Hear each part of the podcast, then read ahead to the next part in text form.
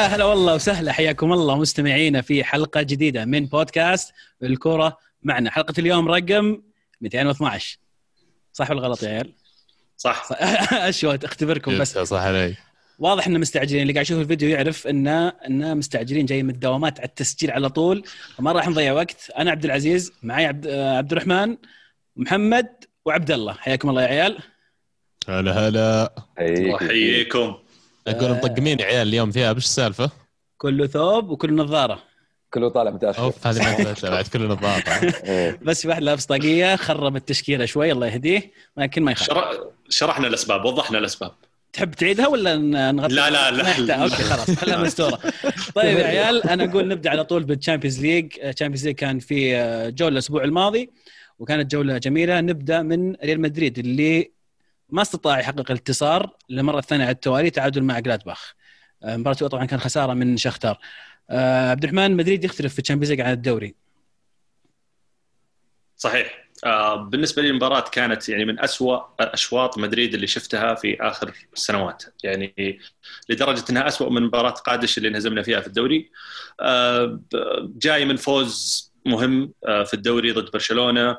آه النفسيات المفروض إنها تصير أكثر آه يعني إيجابية أكثر حماس. آه لكن للأسف خسارة المباراة الأولى أتوقع أنها كانت كان تأثيرها سلبي على المباراة. وما نختلف إنه ملعب مونشن باخ كان ملعب صعب وفريق صراحة أنا داري طبيعي عزيز طبيعي طبيعي. فريق صراحة أبهرني وعجبني. آه، عشان عشان نعطيهم الكريدت آه، كانوا يستاهلون صراحة يعني آه، الأداء والنقطة اللي اللي اللي فازوا فيها في المباراة. في أي أي أعذار من الإصابات والكلام فاضي هذا؟ هذا السؤال الأول، السؤال الثاني سالفة بنزيما و وش اسمه فينيسيوس. في المباراه دي ولا ولا في الدوري؟ لا في هذه المباراة بين. الشوطين إيه. طيب أنا حاب أسمع يعني رأيك وتعليقك يعني بما إنك محب مرة لبنزيما ما شاء الله عليك للأسف إنه يعني ال comment طلع من بنزيما يعني يعني شو- شوف البجاحة وين وصلت يعني يعني بجح بشكل إنه يقول لك يقول لمندي لا تناول آه، فينيسيوس إنه قاعد يلعب ضدنا يعني على اللي أساس ما يعرف تلعب السالفة جت الكاميرا على بنزيما وهو يقول لمندي يقول له يا ابن الحلال هذا قاعد يلعب ضدنا أقسم بالله لا عاد تناول له ويقول لك كل مباراة بنزيما قاعد على الجناح اليسار عند مندي عرفت؟ عشان ما يعطيه فينيسيوس. يعني ما عمري شفت أبجح من كذا يعني. آه، وعلى أساس إنك تلعب معنا أنت يعني بنزيما. آه، ما أد- أنا أحس إنه يعني تصرف ما أدري خاطئ من شخص المفروض إنه يكون ثاني كابتن في الفريق لاعب صغير عمره 20 سنة. وكثير آه، posts قبل في وسائل التواصل الاجتماعي في ال social media من فينيسيوس جونيور كان يعتبر بنزيما هو خلينا نقول ال idol حقه ولا هو آه، المثل بالنسبة له. تصدق تصدق هالكلام؟ ال idol حق واحد برازيلي معليش dribbler جاي من البرازيل يلعب في ريال مدريد. بيكون بنزيما مقنع؟ يعني يعني شوف آه، مو مقنع بس إنه يعني يعني إذا قصدك على الأقل يحترمه ولما يسوي زي كذا هو يعني شو آه، احترام للاعب هذا لكن بالضبط يعني على فعلا ال idol حقه. أقل هاي أكيد إنه مو بال idol يعني أي لاعب برازيلي طبعا أكيد رونالدو هو دائما ال idol. حتوقع حق أي لاعب برازيلي ولاعبين كثير بس لكن أقلها أنت يا بنزيما. تكلم معه انصحه. آه، دام على الأقل يحترمك لدرجة إنه يشوفك واحد من أمثلة اللاعبين اللي هو وده يصير زيهم أو اللي وده يعني يوصل لمستوى خلينا نقول الاحترافية اللي شافه في السنتين اللي قض- قضاها مع مدريد. آه، ما أدري تصرف سيء لكن الحلو في الموضوع إنه آه، يعني لموه بسرعة والموضوع تعدل وحط بوست حتى فينيسيوس بعد مباراة الدوري اللي بعدها آه، بصورة بنزيما و- ويعني مشت الأمور. اي يعني على الأقل مشت يعني ما ما تكبر الموضوع صراحة. أحس لو فريق ثاني كان ممكن يتكبر أكثر. السؤال هل كان يستاهل يعني ردة هو عندي بس ولا عند الجميع؟ لا، لا، لا، لا، صار الجميع. موشن أوكي. الجميع. طيب أي. محمد يحتاج إنه يراجع نفسه لكن خلني أعطيك سؤال ثاني غير سؤال محمد. البعض يلوم زيدان على الفرق بينه في الدوري وفي ال- في ال Champions League. في أي ملامة على زيزو؟ شوف آه، أنا قلتها قبل إنه دائما الاستقرار على التشكيلة تعطي انطباع كويس للفريق وتعطي آه، خلينا نقول rhythm آه، يعني أفضل وأفضل في كل مباراة. آه، الميزة والجانب الجيد في هذه المباراة إنه استمر على نفس تشكيلة برشلونة والمباراة اللي بعدها في الدوري استمر على برضو تقريبا نفس التشكيلة إذا في تغيير فهو تغيير لاعب واحد تقريبا فهذا شيء إيجابي. ال comeback في المباراة ترى هذا يحسن. شيء ممتاز وشيء إيجابي للفريق ولكن الفريق خلينا نقول في rhythm تصاعدي لاعبين كثير راجعين من الإصابة دائما ال Champions League مختلف عن الدوري إنك تدخل الدوري وأنت مرتاح وبعد مستويات متذبذبة وهزيمة في الدوري وهزيمة قبلها في ال Champions League فداخل مباراة برشلونة وأنت تحس إنك تبغى تجيب الثلاث نقاط على أساس يعني الفريق يرجع على على الوزن الصحيح أو يرجع على المسار الصحيح. بس بدأ آه سوى تبديلات في مباراة الدوري مثلا على عكس الكلام اللي تقول ان العادة ما يغير لأنه سوى ظاهر أربع تبديلات في مباراة هوسكا عن المباراة اللي لعبوا فيها في ألمانيا. اي لكن آه، فاران هو كان أفضل يعني خيار للتغيير وقدام تقريبا باستثناء هازارد اللي تو راجع الإصابة وكروس يعني لاعب لاعبين تقريبا هو اللي هو اللي تغير. آه، ما عندي مشكلة دائما قلنا ما عندي مشكلة لاعب لاعبين يتغيرون يتغيرون لكن إذا تعدت إلى وصلت إلى ثلاث أربع لاعبين هنا يبدأ الموضوع يختلف. مع رجعة الإصابات رجعة كارفخال آه، برضو رجعت هازارد الآن وتسجيل الهدف الجميل اللي كان في الدوري فهذه كلها إن شاء الله مؤشرات إيجابية لأن الفريق يعني يرجع للوضع الطبيعي. المشكلة المباراة الجاية ضد الإنتر يعني فأتوقع إنتر هو الفريق الأصعب اللي المفروض كان بالمجموعة بالنسبة لمدريد ف أتوقع نفس المستوى السيء حق ال Champions يستمر ولا يرجعون للمستوى الدوري؟ والله شوف الإنتر أتوقع إنه مو في حال أفضل من مدريد أتوقع في الوقت الحالي. لا في الدوري ولا حتى في في ال Champions League. فكل الفريقين في خلينا نقول مدريد نوعا ما بالنسبة لي أحسه أفضل آه، وضعا من من إنتر اللي آه، مستواه متذبذب في المباريات الأخيرة. في عنده إصابة مهمة تكلمنا عنها الحلقة اللي راحت إنه الفريق كان يعتمد على لوكاكو بشكل كبير وواضح إنه اعتماد كونتي كبير على لوكاكو الحل الوحيد في الفريق. آه، اصيب لوكاكو وشفنا المباراة اللي راحت معاناة ضد فريق زي بارما. طبعا فريق صعب ولكن كان في معاناة من وجود الحل الهجومي بالنسبة للإنتر. وأعتقد إنه لو ما قدر يشارك أو ما لحق على مباراة الـ Champions League بكرة فبيصير فيه إشكالية في أتوقع في خط الهجوم الإنتر. وهذا يعطي أريحية شوي لمدريد ويعطيه أفضلية نوعا ما. طيب المباراة الثانية اللي بتكلم عنها مباراة مانشستر يونايتد ولايبزج اللي فاجأتني. ما أدري عنكم يا شباب لكن انتهت ب 5-0 لمانشستر يونايتد. نتيجة ثقيلة على متصدر الدوري الألماني. ما نستهين فيها ابدا. آه، رغم تذبذب المستويات ليونايتد في الدوري. فهنا أشوف شيء عكس مدريد نوعا ما. مستوى يونايتد في ال Champions League مختلف عن مستواهم في الدوري بعد فوزهم على بي إس جي والآن على لايبزيج 5-0 on form عرفت في ال Champions وفريق غريب مرة يعني فريق المباريات المفروض يلقاها صعبة. قاعد يفوز فيها مرة ما توقعت إنه بيسقعون لايبزيج خمسة. وين؟ يعني ترى يونايتد. وبعدين يجيك في الدوري مباراة بعد شوي بنتكلم عنها ضد أرسنال ويلعب بالطريقة اللي لعبوا فيها. شيء غريب. مرات بعض الفرق تلاقيه أسهل إنه يلعبون في ال Champions لأن أسلوب الفريق مو مجهز إنه يلعب ضد فرق أصغر، الفرق الأصغر دائما عليك المسؤولية. أنت كفريق كبير إنك أنت اللي تهاجم أنت تاخذ الكرة لنص ملعبهم أنت اللي تحاول تسجل هدف. ما شفنا نفس الفريق يلعب في ال Premier League فيمكن لأن مانشستر يونايتد يحترم ال Champions League أكثر من مباريات الدوري قاعد تصير النتائج لأن هذا التفسير الوحيد اللي قاعد ألقاه. هل ممكن نقول انه إذا اضطر اليونايتد إنه يدخل المباراه ولازم يفوز يطلع بالنتيجه هذه؟ الدوري يعني قصدك؟ يعني يعني مثلا في ال Champions League كل مباراة لها لها يعني ثلاث نقاط ثمينة مرة كلها ست مباريات تلعبها فصعب التفريط مرة فهل هم داخلين ب mentality انه لازم أفوز هل مثلا يوم فازوا على بي اس جي مو بالسنة هذه السنة الماضية في ال Champions League فاجئونا على بي اس جي هل كان أيضا من مبدأ إن أنا لازم أفوز المباراة هذه فأنزل أعطي كل اللي عندي خلاص؟ وإذا صار إنه في فرصتين تعادل أو أو فوز يظهر بمستوى أقل زي ما شفنا في الدوري مثلا؟ شوف هي هي يعني حتى للعيبة بالنسبة لهم مباريات ال Champions دائما أكبر مباريات الدوري. والفرق اللي تلعب ضدها في ال Champions خاصة في أدوار المجموعات يعني أغلب الظن بيصير عندك فريق كويس واحد كبير وفريقين يعني على مستوى أقل مو بصعبين المفروض عليك. آه، بحال يونايتد يعني المباراة الكبيرة لعبها وفاز ضد بي اس جي والفريق الثاني الصعب اللي المفروض يكون معاه في المجموعة فاز عليه. فبالنسبة له تقدر تقول إنه ضامن حاله في المجموعة خلاص يقدر يرتاح يقدر يريح. وبالنسبه ومن ناحيه إن ال form حق ال Champions يستمر في الدوري المشكلة في الدوري أحيانا مباريات كثير الفرق اللي ضدك يعني they want it more. يكون الحماس عندهم أكبر يكون عندهم ال ال الاندفاعية أكبر وهم داخلين المباراة ويونايتد ما يقدر يرفع أو يرتقي لأن هذاك المستوى. حلوين. أتكلم عن لعبه أكثر يمكن يوصلنا عند مباراة أرسنال. آه، المباراة الثالثة اللي ودي أتكلم عنها اللي هي مباراة آه، برشلونة ويوفي أو يوفي برشلونة اللي انتهت فوز برشلونة 2-0 آه، طبعا المباراة هي الأولى بعد استقالة بارتوميو رئيس أو إدارة بشكل كامل إدارة برشلونة. البعض يقول إنه ظهر المستوى مباشرة. يعني أنا ما أشوف إن برشلونة كان رائع جدا في هذه المباراة. كانوا الفريق الأفضل نعم. اليوفي كان سيء جدا وبرشلونة كان متمسك كان متحكم بالمباراة. آه، لكن ما كان الفريق الخرافي تعودنا من برشلونة أو الفريق المميز شفناه برشلونة. يمكن أبرز الأسماء اللي أبدعت في هذه المباراة من ناحية برشلونة بالنسبة لي كان بيانيتش وبيدري كانوا صراحة بيدري 17 سنة وكان يلعب تحس إنه عنده خبرة سنوات في في في قيادة الجهة اليسرى اللي كان فيها كوادرادو.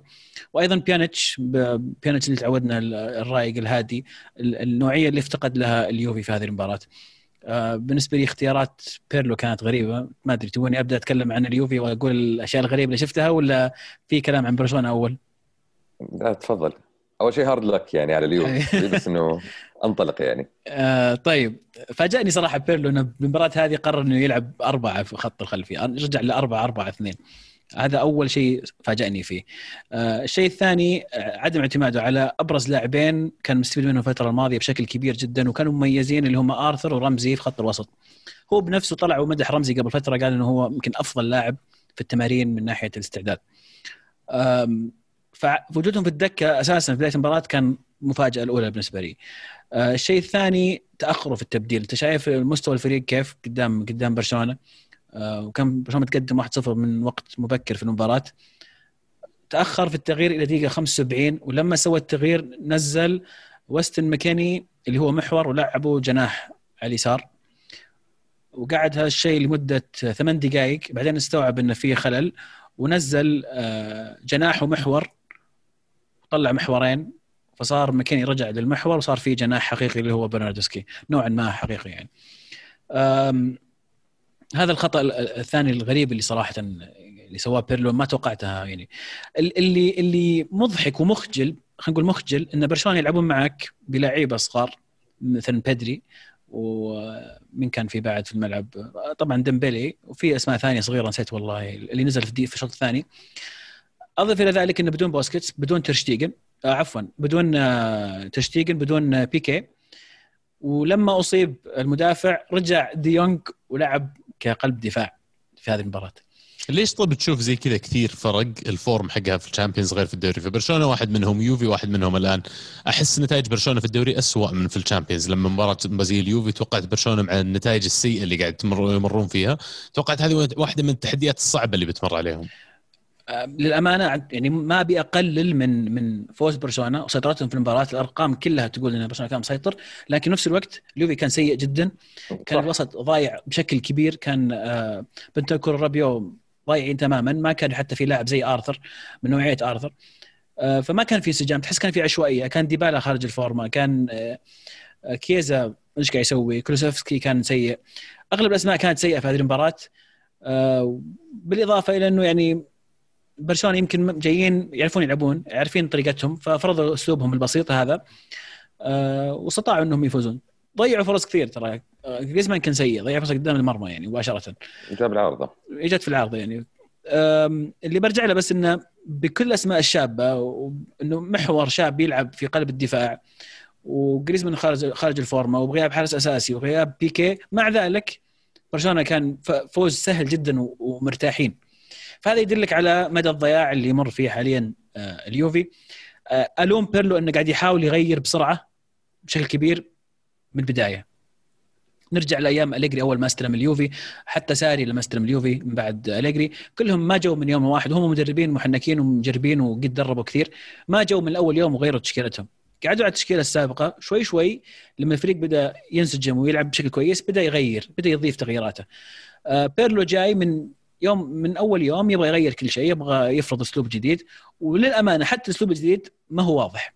ما هو واضح بالنسبة لي كمتابع ولا أعتقد واضح للعيبة لأنه تشوف حتى الفريق لما يحاول يتقدم بنوشي قاعد يتقدم قاعد يحاول يكون في الأمام. يعني في أشياء مي بواضحة متأكد إن اللعيبة إلى ما فهموا وش المطلوب من من بيرلو. فيمكن هذا اختصار لل rant حقي وبرشلونه منتش منتشين بعد بسالفة إقالة ال board اللي صار عندهم إقالة مجلس الإدارة. فكان مبين إن اللاعبين داخلين بيثبتون point إنه بعد ما طلعوا هذول كأنهم بيحتفلون بطلعه الإدارة بطريقتهم. وأحس نفعتهم في المباراة لكن الانتصارات أو النتائج اللي تجي نتيجة شيء زي كذا معنوي عادة ما تطول. ف يعني شوف على طول بانت المباراة اللي بعدها في الدوري بنتكلم يمكن عنها بعد شوي تعادلوا برشلونة. ما زال ما طلعوا من النفق اللي هم فيه. هذا انتصار صح ثلاث نقاط مهمة بعد في ال Champions League. لكن إلى الآن برشلونة أنا بالنسبة لي غير مقنع. لا والمباراة أصلا يعني ما كانت المباراة الممتعة الحماسية اللي تتذكرها لانها يعني كانت فرص برشلونة واضحة صح؟ جابوا كم من جول حلو. يوفي ما كان يعني بصراحة اللي صار مع مرات ما ظهر صار حتى مع إنزاجي إنك ثلاث أهداف تحسب onside offside ف very unlucky بالنسبة لليوفي. بس السؤال اللي هل تحسب عزيز إنه لو كان موجود رونالدو في الملعب كان ممكن اليوفي يفوز؟ ولا كان لسه حال ضياع موجود في كل في كل كان يوفي يسجل. ما أقول لك يفوز. أتوقع يوفي يسجل لوجود رونالدو. لكن في خلل كبير في المنظومة. الفريق كله يعني في في مشكلة. يعني حتى لو بيسجل ما راح يسجل أتوقع من هجمة متكتكة وملعوبة. يعني أتوقع راح يكون استغلال فرص ذكاء من رونالدو تواجد في المكان الصحيح. الفريق أشعر إنه ما يعني أنت في ملعبك المفروض إنك أنت تمسك الكورة أنت اللي تبني الهجمة. ما حسيت بهذا الشيء ابدا من اليوفي رغم إنه في الأسلحة موجودة في الفريق ما أعرف. يعني الامانه علامة استفهام كبيرة ما زالت على قرارات يتخذها بيرلو قبل كل مباراة. وفي في أتوقع مسألة ثانية هنا لو ما تعودنا عليها ولا أول مرة نشوفها المباريات ال Champions يا شباب. أول مرة ترى كل أسبوع مباراة Champions. يعني العادة دائما في وقت راحة عندك وقت صح. إنك تجهز الفريق داخل المباراة يكون عندك استعدادية. بس يعني هذا الحين خلصنا بدينا ال Champions من أسبوعين لعبنا مباراتين وبكرة في مباريات Champions بعد. ف أتوقع هذه تلعب عامل كبير في مدى استعداديات الفرق المختلفة يعني. ترينكاو لاعب برشلونة ذكرت دامنا في برشلونة كذا ممكن نقفل على ال Champions League ونكمل في إسبانيا ونتكلم عن برشلونة اللي آه، رجعوا للدوري بتعادل أمام ديبورتيفو ألافيس آه، سجل فيها جريزمان هذه المباراة. آه، لكن المستوى يختلف زي ما قلنا في ال Champions League عن الدوري خلينا نقول النزعة المعنوية أو الدفعة المعنوية اللي جتهم كانت يمكن مؤقتة. آه، ورجع برشلونة إلى تقريبا مركز كم؟ 12 13 اذا غلطان الحين في الدوري. حولها 12 12 حافظ ست مباريات ست مباريات عرفت أي أي تعليق على موضوع الإدارة موضوع ال... يعني طبعا أسمع كلام غريب جدا إنه في لاعبين المحامين حقينهم هم اللي كانوا يقودون موضوع رفض تخفيض الرواتب وإن عشان كذا يلعبون أساسيين ونظرية المؤامرة تستمر وخربيط من هالكلام ما أدري هي صحيحة أم صحيحة. هو السؤال اللي يطرح نفسه هي اعتزال الإدارة هل هو أو يعني انسحاب الإدارة هل هو بسبب إنه وصل عرفوا إن الجمهور ولا وصلوا لحد إنه خلاص ممكن يطلعونهم قريبا؟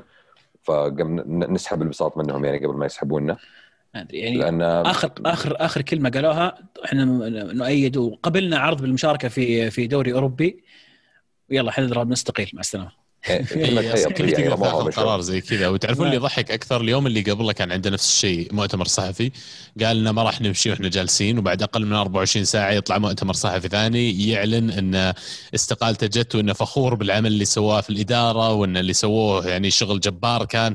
معليش يا بارتوميو بس أي شغل جبار ضيع 200 222 مليون من صفقة نيمار. أي شغل جبار خلاك بنهاية فترة ميسي مع الفريق يبغى يطلع من عندك. أي شغل جبار وأنت شكرا. عندك واحد من أعظم اللاعبين اللي مروا على كرة القدم وفشلت على الرغم من كمية الفلوس اللي جتك فشلت إنك تبني فريق حوله يسوي domination زي ما سوى domination الفترة الأولى أول ما طلع ميسي.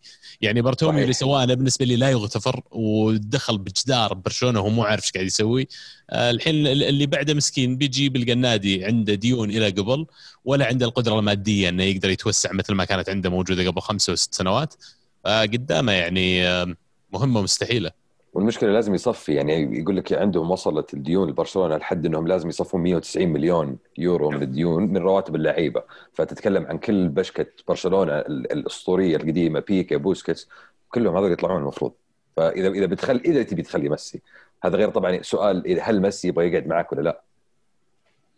هذا واحد من أسباب استقالته أتوقع إنه يعني الديون اللي وصلت ل 190 مليون وتهديد النادي بأنه يعني بالإفلاس في في في فترة جاية إذا ما تخفض هذا المبلغ هذا وما توفرت هذه المبالغ هذا بيصير آه، ضربة ثانية على الرئيس. وقلنا قبل إنه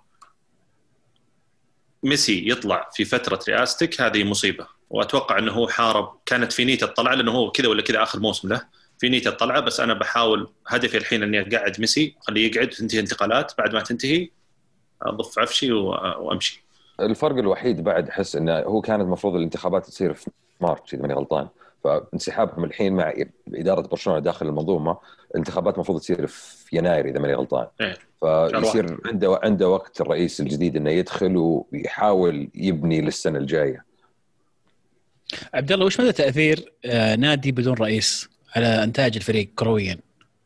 كثير لأن المشكلة ما هي بس مباشرة بغياب الرئيس ولا وجوده لأن الرئيس بيكون يعني له بطريقة أو بأخرى إشراف على اللي تحته واللي ال directors اللي تحته وال C level أنا نتكلم الحين على ال board level فال C level وال directors اللي موجودين غير لما يكون في شخص فوق يفهم أول شيء في الكورة عنده vision وعنده توجه واضح على النادي وين يبغى يروح وأنا أشتغل في هذا الأطر.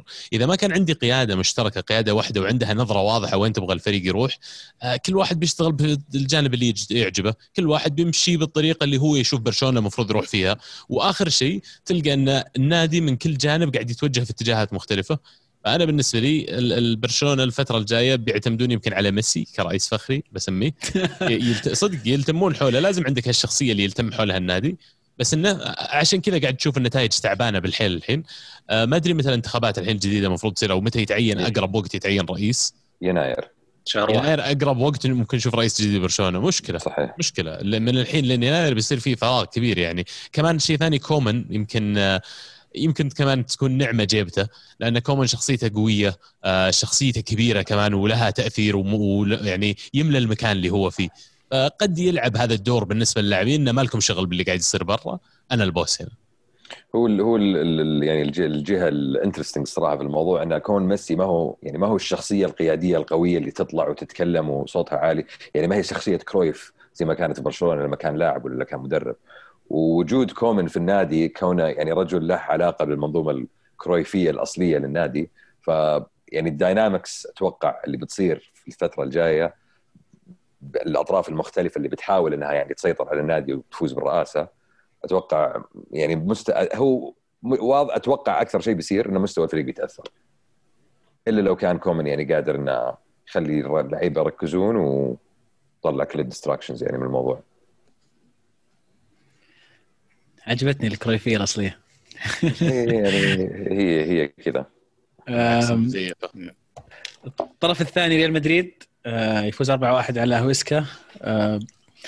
يقال إن في مشاكل في مدريد. في خلينا الانتصار على جنب. في مشاكل إصابات في الظاهر ما عندكم ظهير يمين ويمكن في هذاك هذاك الشيء اللي ما نسميه. يمكن أنتشر بين لعيبتكم. آه لا ما, ما شيء قريب. آه، كأني كاني ما أدري كأني سمعت إن راموس مش مضبوط. يقولون الجائحة جاحت عليكم يا لا لا تكفى. الا الا ذا الرجال تكفى.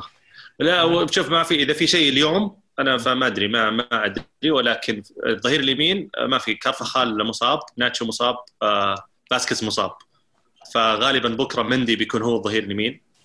ومارسيلو للاسف هو الظهير اليسار الله يستر مبروك هازارد بعد رجع سجل الله يبارك فيك هدف رائع بعد مبروك انت ابو شامسي جاك شبيهه جاك شبيهه لا والله يعني تحيه تحيه أنا أنا كنت بقول الشيء الايجابي من هذه المباراه يعني بما ان تكلمنا عن مدريد في الشامبيونز وفي الدوري رجعت هازارد وفي وقت مهم جدا وتسجيل الهدف هذا اللي ممكن يعطيه ثقه أكثر والأهم من هذا كله إنه ناحف شوي. فيعني هذا شيء أخيرا. شيء إيجابي. إي والله ناحف الثاني آه، شكله إسكو هو اللي استلم القيادة عنه الكبسة. في هذا استلم الكبسة والله لأنه وضع اسكو وضع إسكو سيء. آه فالفيردي يستمر بالمستوى الجميل الرائع اللي صراحة آه يعني من زمان أحس مدريد ما طلع آه موهبة من ريال مدريد بي أو من كاستيا. أو تدرج وبدأ ولعب في الفريق الأول وثبت نفسه في الفريق الأول بدون أي إعارة بدون أي كلام حوله. آه فيعني تحية لزيدان اللي أعطاه هذه الفرصة لأنه وثق فيه. وفي المقابل برضو الفالفيردي اللي فعلا أثبت إنه آه لاعب يستحق إنه يلعب في نادي زي ريال مدريد. والله قاعد يشطح بالفيردي يعني الفورمة اللي هو فيها مخيفة الصراحة. مدريد قاعد يواجه مشكلة أنا أحس في القلب دفاعي إذا لعب فاران جاب العيد وإذا لعب ميليتاو جاب العيد أكثر عرفت؟ فكل شوي قاعد يتنقل بينهم. أنا أعتقد يعني المفروض يثبتون على فاران حتى لو أخطأ كم خطأ. خلاص ثبته هو الحين قلب دفاع. قدر ميليتاو يعني يكفي مباراة شختار اللي لعب فيها هذيك. بالضبط. ف... طب حتى يعني فاران ليه- قاعد يجيب العيد يعني.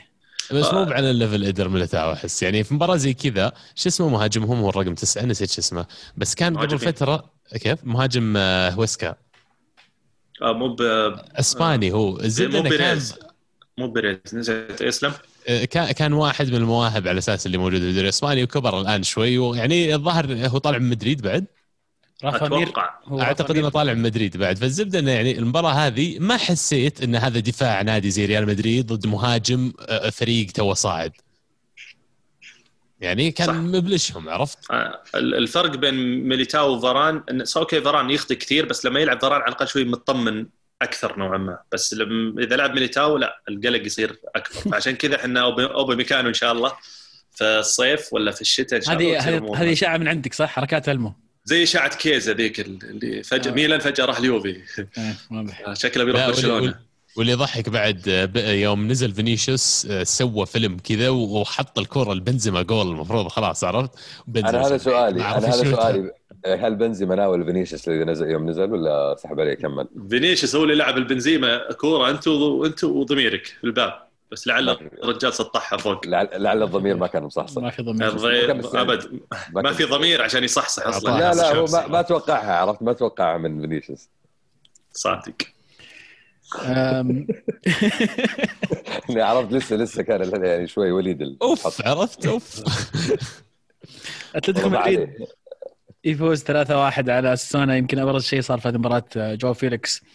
آه، هدفين. يمكن بدا يرجع جو فيليكس في وقت مرة مهم يحتاجونه في أتلتيكو مدريد. يرجع. هو متى كان موجود عشان يرجع عزوز يعني هو يعني جاب هو أول ما جاء-. بس أول ما جاء اشتغل ثم انطفى فجأة.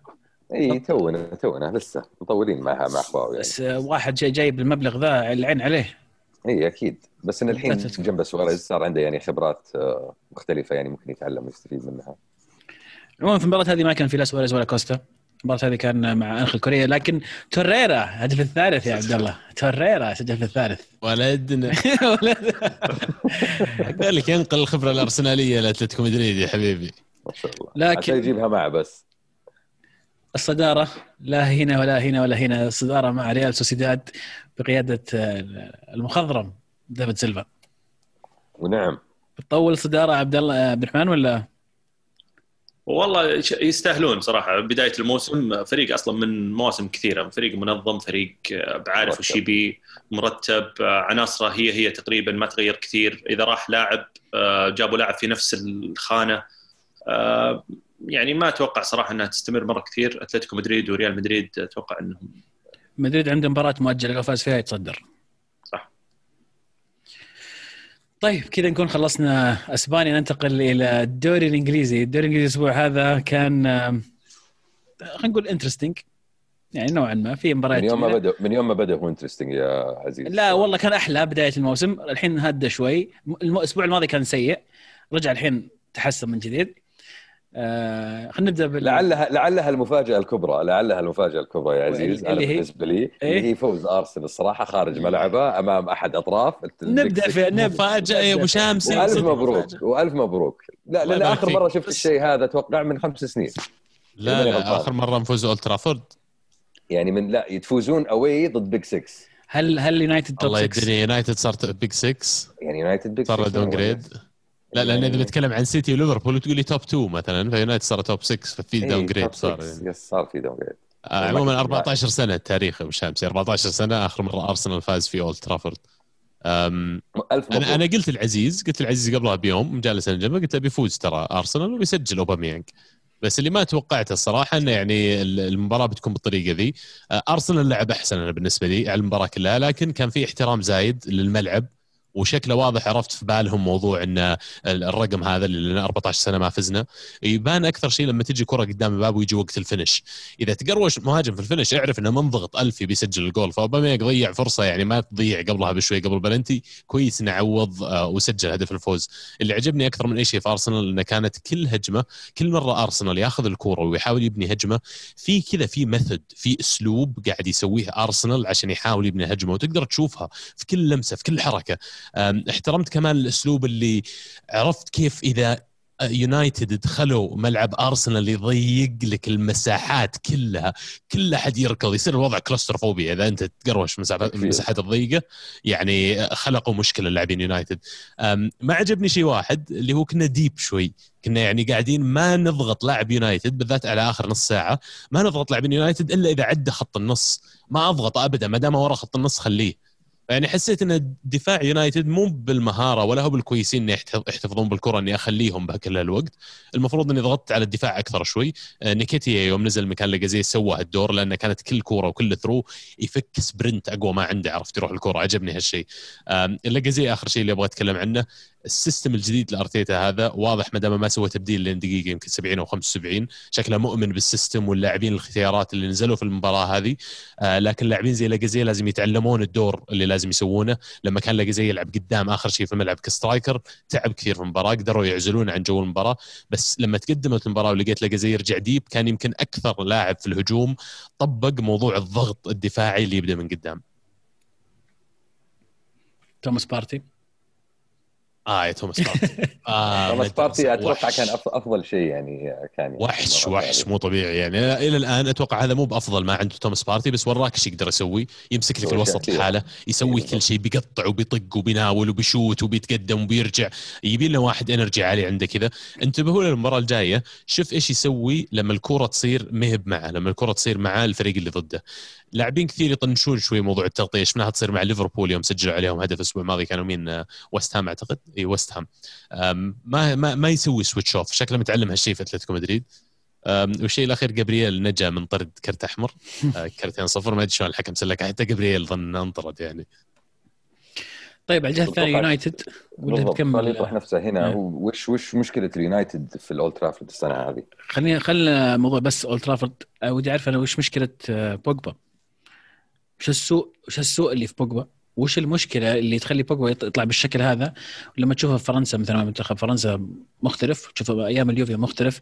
هل منظومة يونايتد مو قاعد تخدم بوجبا بالشكل الصحيح؟ هل المفروض إن بوجبا يتحرر من أي أدوار دفاعية أو التزامات دفاعية عشان يقدر يبدع؟ شفنا الخطأ اللي صار في ضربة الجزاء. يعني راجع يغطي ومجتهد الرجال وجاب العيد.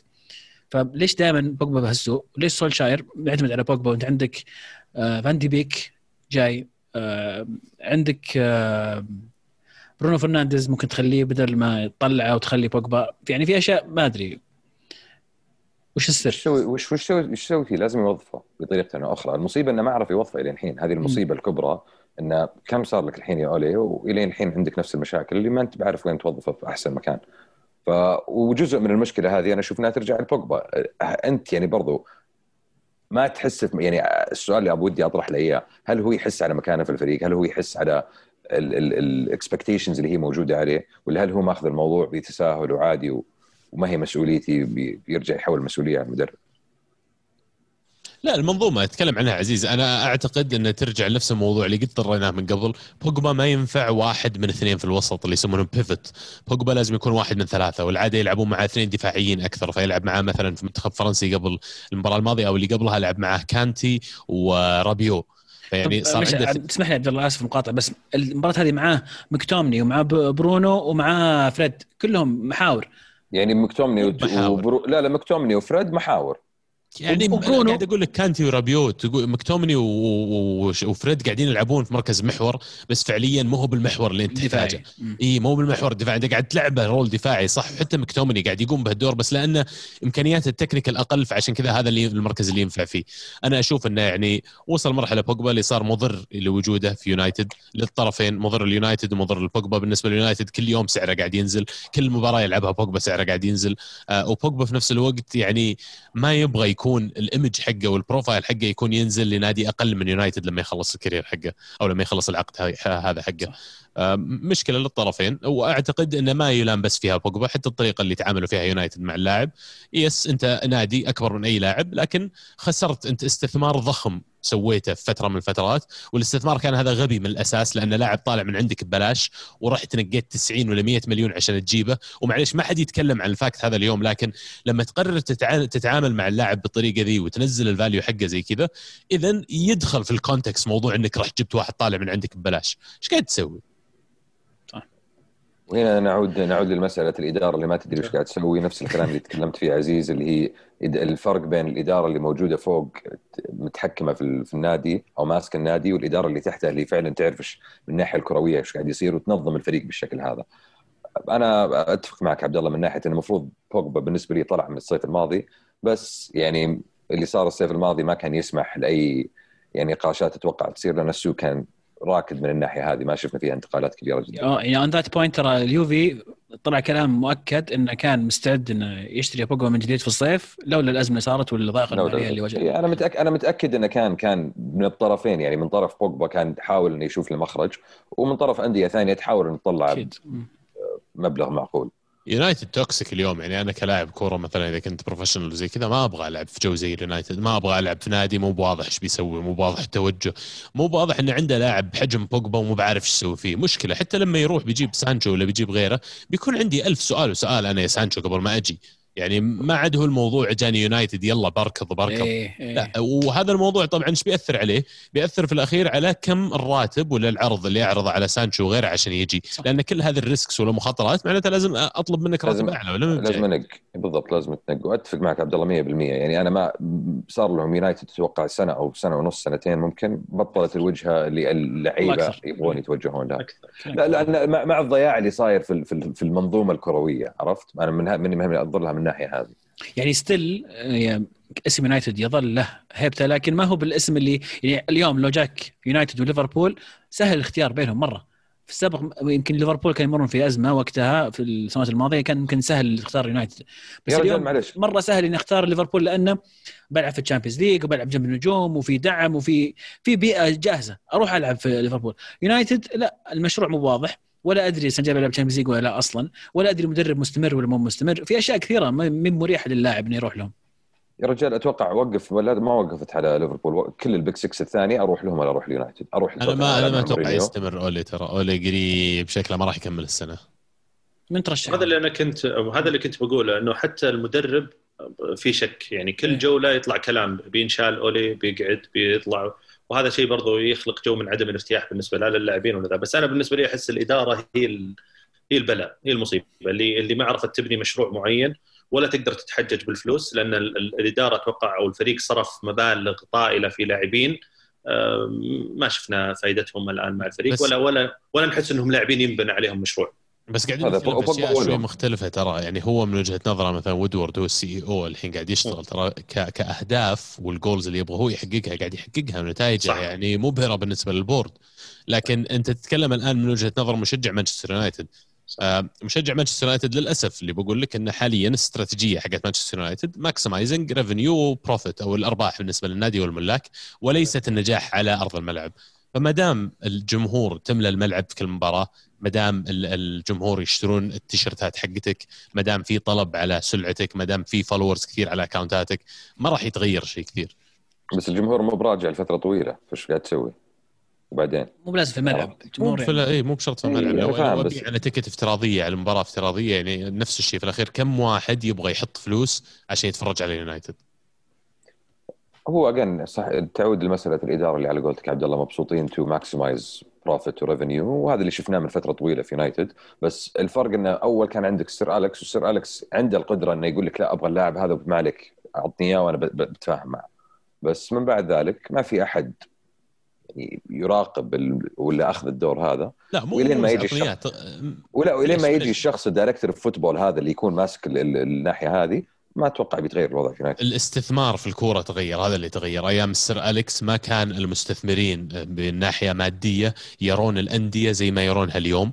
في التسعينات ال- أطلق نادي إيرادات ما كان يقترب من إيرادات واحدة من الشركات الكبرى اللي يملكها أحد المستثمرين. لا لا لكن بس اليوم لكن اليوم أنا صرت أتكلم عن نادي زي يونايتد مثلا الدخل حقه في السنة الواحدة تتكلم عن مليار الظاهر ما أدري مليار ونص إذا مو بأكثر. فيعني صارت businesses كبيرة فتدار كأنها شركة ربحية ومو على كل حال إن أهداف ال- ال- الجمهور أو المشجعين نفس أهداف الملاك.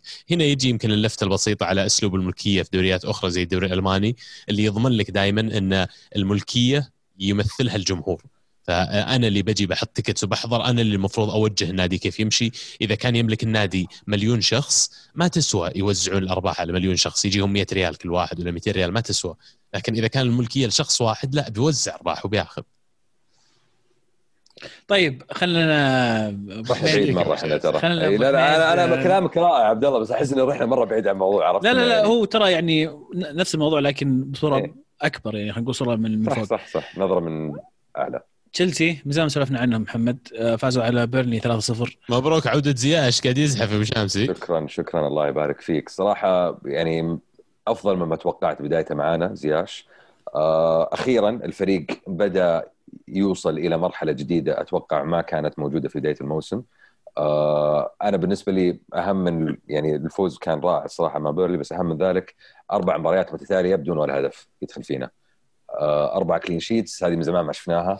آه، إدوارد مندي أخيرا وقف مسلسل الأهداف الغبية اللي كانت تستمر مع كيبا وتصير كل مباراة تقريبا. تياغو سيلفا فرق مرة كثير في الدفاع. جاب لك experience جاب لك leadership صار الكابتن في المباراة الماضية كم في و- المية من ال clean sheets تحطها على مندي أبو شامسي؟ يعني أحطها على تياغو سيلفا I think more than مندي بس مندي مباراة يونايتد كان كان يعني هي kept us in the game simple as that أكثر كان في ثلاث أربع فرص يعني كان موجود فيها ومصحصح كويس يعني كورت زوما آه. بعد ما قصر كورت زوما أنا هذا هو أنا اللي أكثر واللي عاجبني مع تياغو سيلفا إنه كورت زوما من دم... من زمان إنه مدافع كويس بس يحتاج واحد كويس زيه لما أول ما جاء تشيلسي كان جون تيري next to him كان ممتاز. آه، يوم فاز بالدوري مع كونتي كان يلعب دفاع ثلاثة كان في في في cover يعني. فاخيرا تياغو سيلفا موجود في الدفاع بدأ الفريق بدأ الدفاع يتصلح. تشيلويل رائع صراحة كظهير يسار. آه، جيمس بدأ شوي شوي برضو يعني يدخل في المنظومة الهجومية. فالفريق بدأ يتغير الفريق بدأ يتحول. التغيير اللي شفته في مباراة بيرلي واللي فرق في مباراة بيرلي بالنسبة لتشيلسي ومباراة كرازنودار في ال Champions إلى شكل أقل إنه عرف تقريبا لامبرد يوظف الوسط والهجوم. صار يلعب 4 3 3 كانتي هو المحور أمام الدفاع على طول. وقدام كانتي عندك اثنين هافرتس وماونت. لعيبة يلعبون رقم 10 يلعبون رقم 8 في كل مكان في الملعب يقطعون كور يناولون يسوون كل الأشياء اللي ودك يسوونها. آه، أمامهم عندك آه، فيرنر على اليسار وزياش على اليمين. ما يطلعون على الأجنحة دائما داخلين وسط الملعب يفتحون المساحة للأظهرة إنهم يدخلون. العنصر المفاجئ بالنسبة لي في هالمنظومة كان وجود تيمي أبراهام كرقم تسعة ينسحب إلى الوسط كثير. فالتغيير هذا بالنسبة لي لاحظته مرة في مباراة بيرنلي وكان وبدأ في مباراة كرازنودار أتوقع ممكن يكون هي التشكيلة اللي كان يبحث عليها لامبرد من زمان والتشكيلة اللي بيكمل عليها وبيستمر عليها بقية الموسم. طيب يعني المباراة تتو- تتوقع إنه تامي أبراهام بيرجع يكون أساسي في المباريات الجاية؟ يعني شوف يعجبني إن في تامي أبراهام ان اللي قدمه من الموسم الماضي كان شيء كثير. يقدم يعني طول physical presence في, في, في الوسط في الهجوم عنده راس يعرف عنده link up play لما لعب فيرنر أول كم مباراة أسلوب فيرنر كمهاجم جدا مختلف وما كان شيء لعبنا فيه السنة الماضية. نوع المهاجم اللي دائما يستنى المناولة دائما يستنى ال through pass فلما لعب فيرنر على اليسار وبدأ يدخل جوا وصار ال link up play مع بقية الوسط أنا شفت بالنسبة لي شيء مختلف ووضحت في الهدف الثالث هدف آه، آه، اللي فتح زياش ال- الفيرنر إنه خلاص. اسحب المدافعين إلى الوسط وافتح المساحات للناس هذول يدخلون. مين الثلاثي الهجومي أبو شامسي عند تشيلسي إذا كل أحد جاهز وكل أحد موجود مين تتوقع الثلاثي بيكون الاساسيين؟ ما أقدر أقول لك لسه لأن ما, ما وصلنا لمرحلة كل أحد جاهز وكل أحد مستعد ويلا عندك اثنين ثلاثات أربع مباريات بس. على الأقل في تصورك يعني من اللي شفته إلى الآن من كل اللاعبين بتصورك مين تتوقع بنهاية الموسم يكون يعني اللي مثبتين نفسهم أساسيين؟ أنا اللي كنت متخيل الصراحة بداية الموسم زياش على اليمين فيرنر في الوسط آه، قدام وبوليسيتش على اليسار وأمامهم هافرتس في في مركز الرقم 10 اللي. اللي قاعد أشوفه الحين بالنسبة لي أفضل وأمتع إن عندي اثنين تقريبا يلعبون في مكان رقم ثمانية اللي هم هافرتس وماونت واثنين أجنحة وواحد center forward يفتح اللعب لهذول كلهم فهو الثلاث اسماء اللي ذكرتهم فيرنر وزياش وبيوليسيتش. أتوقع أنا كنت هذه اللي كنت أتوقع في بداية الموسم بس الحين مع التغيير هذا اللي صاير لسه ماني متأكد. يعني ممكن يكون فيرنر على اليسار ممكن يكون فيرنر بس أسلوب اللعب هو اللي فرق إذا عليه. فيرنر على اليسار مين يلعب قدام؟ أبراهام تامي. تامي. ممكن هافرتس يلعب قدام بس برضو يعني هذا الشيء ما شفناه لسه يصير. يمكن عندي شوي تحفظ على موضوع إن هافرتس وم- وماونت كلهم رقم ثمانية. أحس إنه إذا جيتوا قدام فريق آه، مميز وفي الخط الوسط عندهم لعيبة كويسين راح يكون صعب افتكاك الكرة من هذول اللاعبين. يمكن تحتاجون مثلا آه، كوفاسيتش جورجينيو في إيه، الأدوار هذه. كانتي broken عرفت؟ بالعكس غير كذا أنا بالنسبة لي ماونت في الوسط ترى ماونت وحش يعني ماونت ما يوقف ويروح ويناول ويقطع الكوره بالنسبة هافرتس ممكن شوي أبرد يعني بس ما عندي خوف من ماونت من ناحية ال position هذا. وبالنسبة لي أهم من ذلك إن كانتي حط محور صح يعني في المكان اللي أنا أحتاجه فيه صح. المكان اللي يقدر يسوي كل اللي اللي أنا أبغاه يسويه يعني. طيب السيتي يفوز 1-0 على شيفيلد يونايتد. ما أتوقع مباراه كان فيها كلام كثير. آه، بس من السيتي ما عندهم مهاجم. بس يعني بس المشكلة الوحيدة. هذه ما بس ترى ما عندهم مهاجم يعني بدون مهاجم. مشكله شوي كبيرة أحس. إيه بالذات إنه ما أدري إيش وضع جيسوس بس آه، نهاية الشهر يمكن يرجع اجويرو أو أو ناسي والله نهاية الشهر أو الشهر الجاي أو شيء زي كذا. بس يعني غير كذا السيتي من بداية الموسم ترى ما كان مقنع ابدا. المشكلة أحس إنها ليست مجرد المهاجم إن المشكلة عنده أوكي جاب تغييرات عناصر جديدة في الوسط ولكن لسه ما الفريق ما لقى مع بعض أحس إلى حد أكبر. ترى ما غير كثير. عجبني آه، في احدى المباريات آه، فرنان توريس كان يلعب رقم تسعة وهمي. إيه. فكان توظيف جيد وال- واللاعب أدى بشكل كويس في هذا في هذا الخانه ف عندهم عندهم أسماء. عندهم عندهم يعني حلول. واحدة واحدة من الخيارات اللي موجودة عنده آه، ودفاعهم صار كويس. متحسن. متحسن دفاع نعم. يعني روبن دياز سوى فرق. إيه. روبن دياز وأكي وكانسيلو في الخانة اللي ما أدري وش يعني تشكيلة كذا. آه ليفربول يفوز 2-1 على ويست هام. هدف صراحة وهدف جوتا. جوتا اللي الكثير يشوفون إنه يمكن من أفضل صف... أفضل. الصفقات آه، في الدوري الانجليزي السنة هذه. ممتاز يا أخي ممتاز ممتاز. يعني صفقة ليفربول يعني هذه هذه بالضبط الصفقة اللي تسويها لما تكون بطل دوري وتبي تجيب الدوري الموسم اللي بعده. هذه هي بالضبط الصفقة. إنك تجيب واحد fresh واحد hungry واحد يدخل الفريق يبغى يثبت نفسه يبغى يلعب وهذاك نزلت كل ما قاعد تنزله في كل مباراة قاعد يسجل كذا. طب ما أشوف احد فيكم شايلة في ال fantasy آه، the BPL ما في واحد من الشباب فكه ما عليك أنا حاط حاط order عليه بيجيني ما إن شاء الله إذا ما حد فيكم. لا لا أبد ما نبي أتوقع. كذا جولة ظهر موجود. ترى جايك جايك يا عبد الله ما أنت بعيد جايك. وين ابو شامسي معطيك فرق بيني وبينك زي 20 اللي بينك 20 وبين اللي قبل الأخير الظاهر. لا لا لا لا نعم. هذا تكلم عن عزيزي اللي يلعب الحالة في دوري. أقول قبل الأخير ما قلت لك عزيز قلت قبل الأخير. أنتم آه، فريقي ترى بدا يشتغل يعني أتوقع تدخلون تشوفون إي، بدأ- بدأ. النقاط آه، الجولة دي أكثر واحد فيكم نقاط اي يعني بدا بدا ما يعطيك. العافيه أكيد آه. آه. عندي زياش وعندي ووكر شغالين بس بس في. نقطة وبيل كله مسجل بس نقطة أخرى لمباراة ليفربول ترى ويست هام كانوا كويسين يعني يس. ويست هام كفريق والله صار عزيز من بداية كويس وين إي زر زر ما عليك اشتغلوا اللعيبة اللي عندك شوف جات صفقة جديدة الأسبوع ذا حبيبي أنت الشامسي قرب وين؟ ما سويت ابديت اليوم. مقرب مقرب أنت الحين. تلعب فان دايك الله يهديك. وش فيك؟ غيرته يا أخي بس تأخر ما أدري إيش فيه التبديل اسلم. شاري بامفورد إيه. بامفورد أنا ماسكه من بداية الموسم يا حبيبي وكل هجومه هجومه يروع. بامفورد وحق شو اسمه حق ويلسون. ويلسون وانجز وين؟ إي شوف يا ما حد. توقعهم عرفت؟ بس إنه ما شاء الله عليه صح. ادرك هدفين اليوم. يضحكون علي بداية الموسم عرفت؟ ف لا بس حرام لابس احتياطي أبو شامسي جبت سيرته إيه إيش تسوي؟ آه اللي بشوف الغريب انه إلين الحين ال Premier League ما ثبت. آه ايفرتون خسر من نيوكاسل فيعني كان ما كمل الصدارة حقته. آه استون فيلا برضه خسر من من ساوثهامبتون فبرضه كان يمكن يكمل الاستمرارية حقته. آه توتنهام بالنسبة لي فوزه كان جدا مهم صار المركز الثاني.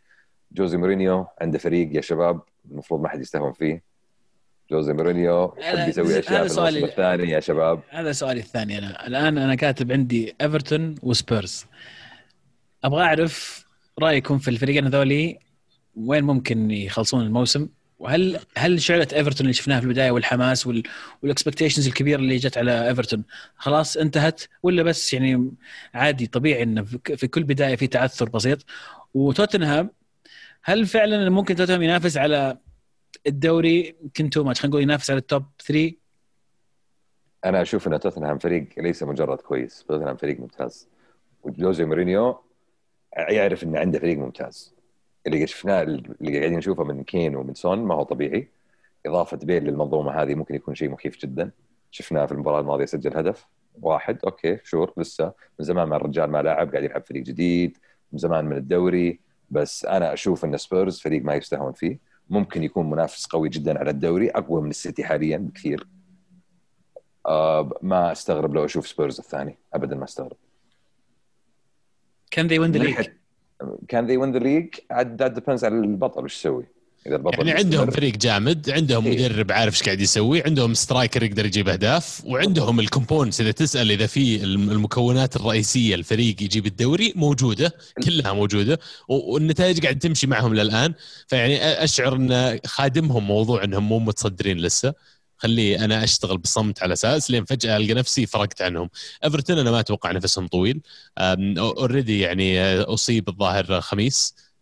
وأتوقع بيأثر عليهم مرة كثير. مهما كان بالنسبة لإيفرتون top four is نجاح مو طبيعي. top 6 ماشي الحال كويس. آه، لكن بالنسبة لسبيرز الوضع مختلف. في الحافز أكبر إنه يبغون يحققون البطولة. لا لا expectations يعني تتكلم عن فريق ترى كان في ال Champions نهائي ال Champions قبل سنتين. فالفريق هذا ترى ما تغير كثير. لا زال عناصر كثير موجودة. وكنا نقول إنه المفروض الفريق يتغير المفروض الفريق يتجدد. صار في تغييرات صار في تجديد. في عناصر كبيرة طلعت. آه، بس ترى لا زال سبيرز يعني عنده كمية احتياط مرعبة. الفريق يقدر يقدر يلعب في ال Europa League إلى بكرة ما عنده مشاكل خله يخسر خله يفوز ويقدر يجيك في في الدوري وعنده أي team يلعب فيه ويدعس. هو التجديد يا تغير اللاعبين يا تغير المدرب. هم قرروا ما يغيرون اللاعبين لأن فعلا بدكة اللاعبين اللي عندهم مرة صعب ترجع تجمع لاعبين بال quality هذا من جديد فغير المدرب. مع انه بوكتينو كان ممتاز لكن لما جاء وقت التجديد تحتاج mentality جديدة. يمكن تعيينهم لمورينيو كان حكيم أكثر من تعيين يونايتد لمورينيو. شوف أنا أشوف إن تعيين يونايتد لمورينيو كان مجرد إنه مورينيو مدرب كويس ويلا خلينا نجيبه صح. سبيرز لا جايين لأن مورينيو عرفت؟ إيه جايين لا غير لأن مورينيو انه لسن في كان عندنا project نحتاج project جديد نحتاج تسويه. لما كان في يونايتد ما أتوقع كان في حديث عن project كان في إنه يلا خلينا نجيب لك اللعيبه اللي تبيهم يلا من تبي تبي بوجبا سوي مورينيو ما يسوي لك project هذا ال issue فسبيرز جو ال project موجود هم يبغون يحقق لهم البطولة وعندهم target واضح. والأندية كلها اللي جو نجح فيها مورينيو اذكركم أندية مشابهة لوضع سبيرز حاليا. انتر يوم جاء مسكهم آه قاعد يفوز بالدوري صح لكن ال Champions معصلقة معه. فجو حطوا ال target حقهم بأي ثمن نبغى نفوز بهذه البطولة. وأحس في مشابهات كثيرة الآن بين آه رغبة انتر بفوز ال Champions League 2010 وما بين آه، طموح ورغبة إدارة سبيرز إنهم يحققون بطولة لأول أي مرة بطولة. بالنسبة لهم أي بطولة ترى. يعني حاليا بس غير دوري غير غير FA Cup. صح صح بس يعني أنا كتفكير مورينيو في عقلية مورينيو أنا أحقق بطولة مع فريق أنا أثبت نفسي مع الفريق هذا. وعشان كذا أول ما أول موسم بالنسبة له آه، مع مع يونايتد طمح إنه يفوز بال Europa League. عادي ما عندي مشكلة بفوز فيه. فاز فيه بالموسم الثاني هو الظاهر صح بأوروبا يا أخي توني هذا اللي كنت بقوله. إيه. مورينو دائما مع أغلب الفرق الموسم الثاني دائما هو اللي يصير آه، موسم الحصاد خلينا نقول. فعشان كذا ممكن هذا يرفع من نسبة إنه ممكن يسوون شيء هذا هذا الموسم. بس أنا بالنسبة لي اللي مخوفني مع توتنهام آه، دفاع.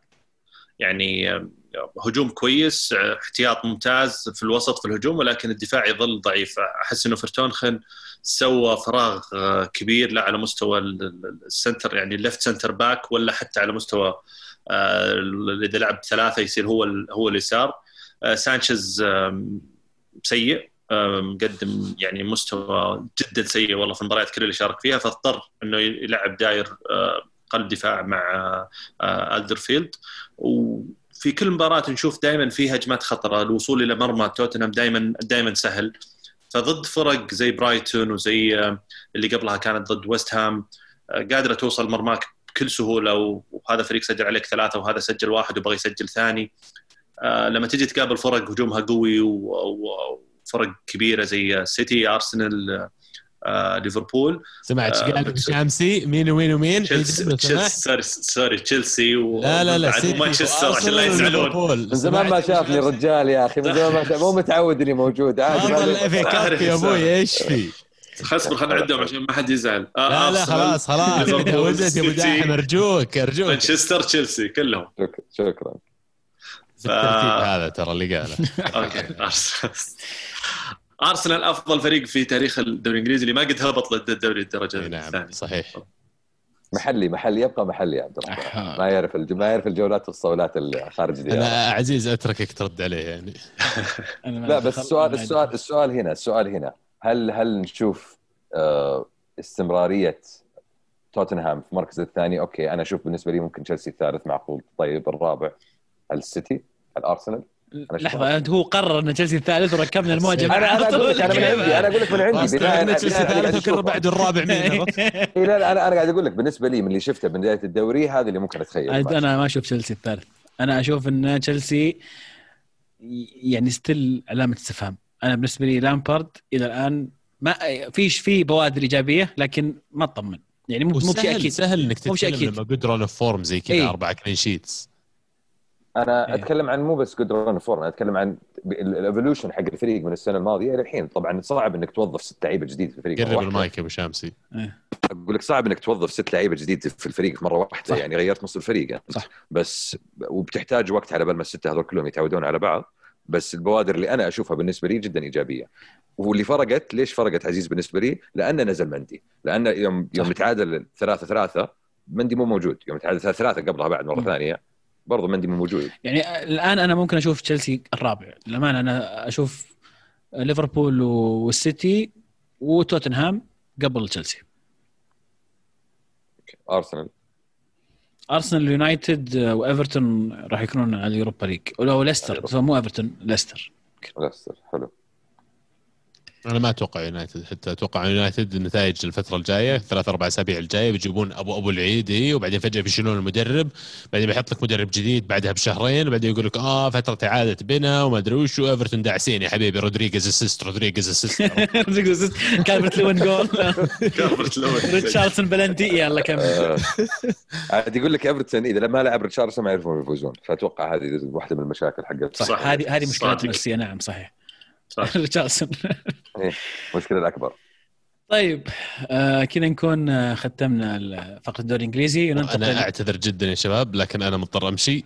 إن شاء الله الكرة كانت معكم تصير معكم الحين مرة ثانية. اذنك معك أبو عابد مكملين لكن آه، إذا قدرت ترجع نرجع لنا حبيبي. أبشر بعد اذنكم العافية. طيب آه انسحب عبد الله عشان نتكلم عن الدوري الإيطالي. هو يعني شوي حساس من موضوع الدوري الإيطالي لأنه أفضل دوري في العالم هو عارف الشيء هذا. ف في الموضوع. آه لا طبعا نمزح.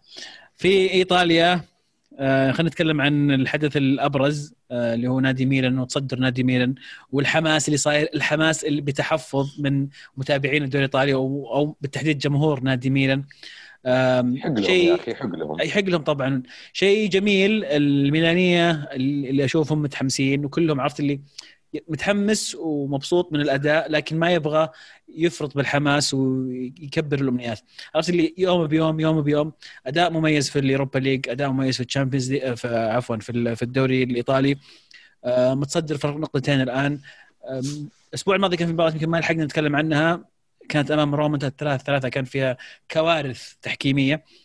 الأسبوع هذا ميلان ينتصر مرة أخرى على يعود الانتصار عفوا. أمام اودينيزي 2-1 وزلاتان يستمر في قيادة ميلان في الانتصارات. آه، رائع زلاتان يعني he is the man he is the man يعني عرفت مرت سنوات راح دوري الأمريكي رجع أصيب. 39 سنة. مرض. 39 سنة يا جماعة. ما هداف. الدوري. ثمانية أهداف. سؤالي- سؤالي-؟ سؤالي الرجال زي ما قلت 39 سنة في لا سمح الله 39 39 لا سمح الله جاه شيء أي نوع من الإصابات؟ مدى تعثر ميلان في الف... هل يعني وش كمية الأثر اللي فعلا إحنا ما ننكر انه الرجال قاعد يؤدي أشياء خرافية لل- للميلان لكن في حال غياب زلاتان هل ميلان بيضيع تماما ولا عندهم حلول في في ريبتش مثلا؟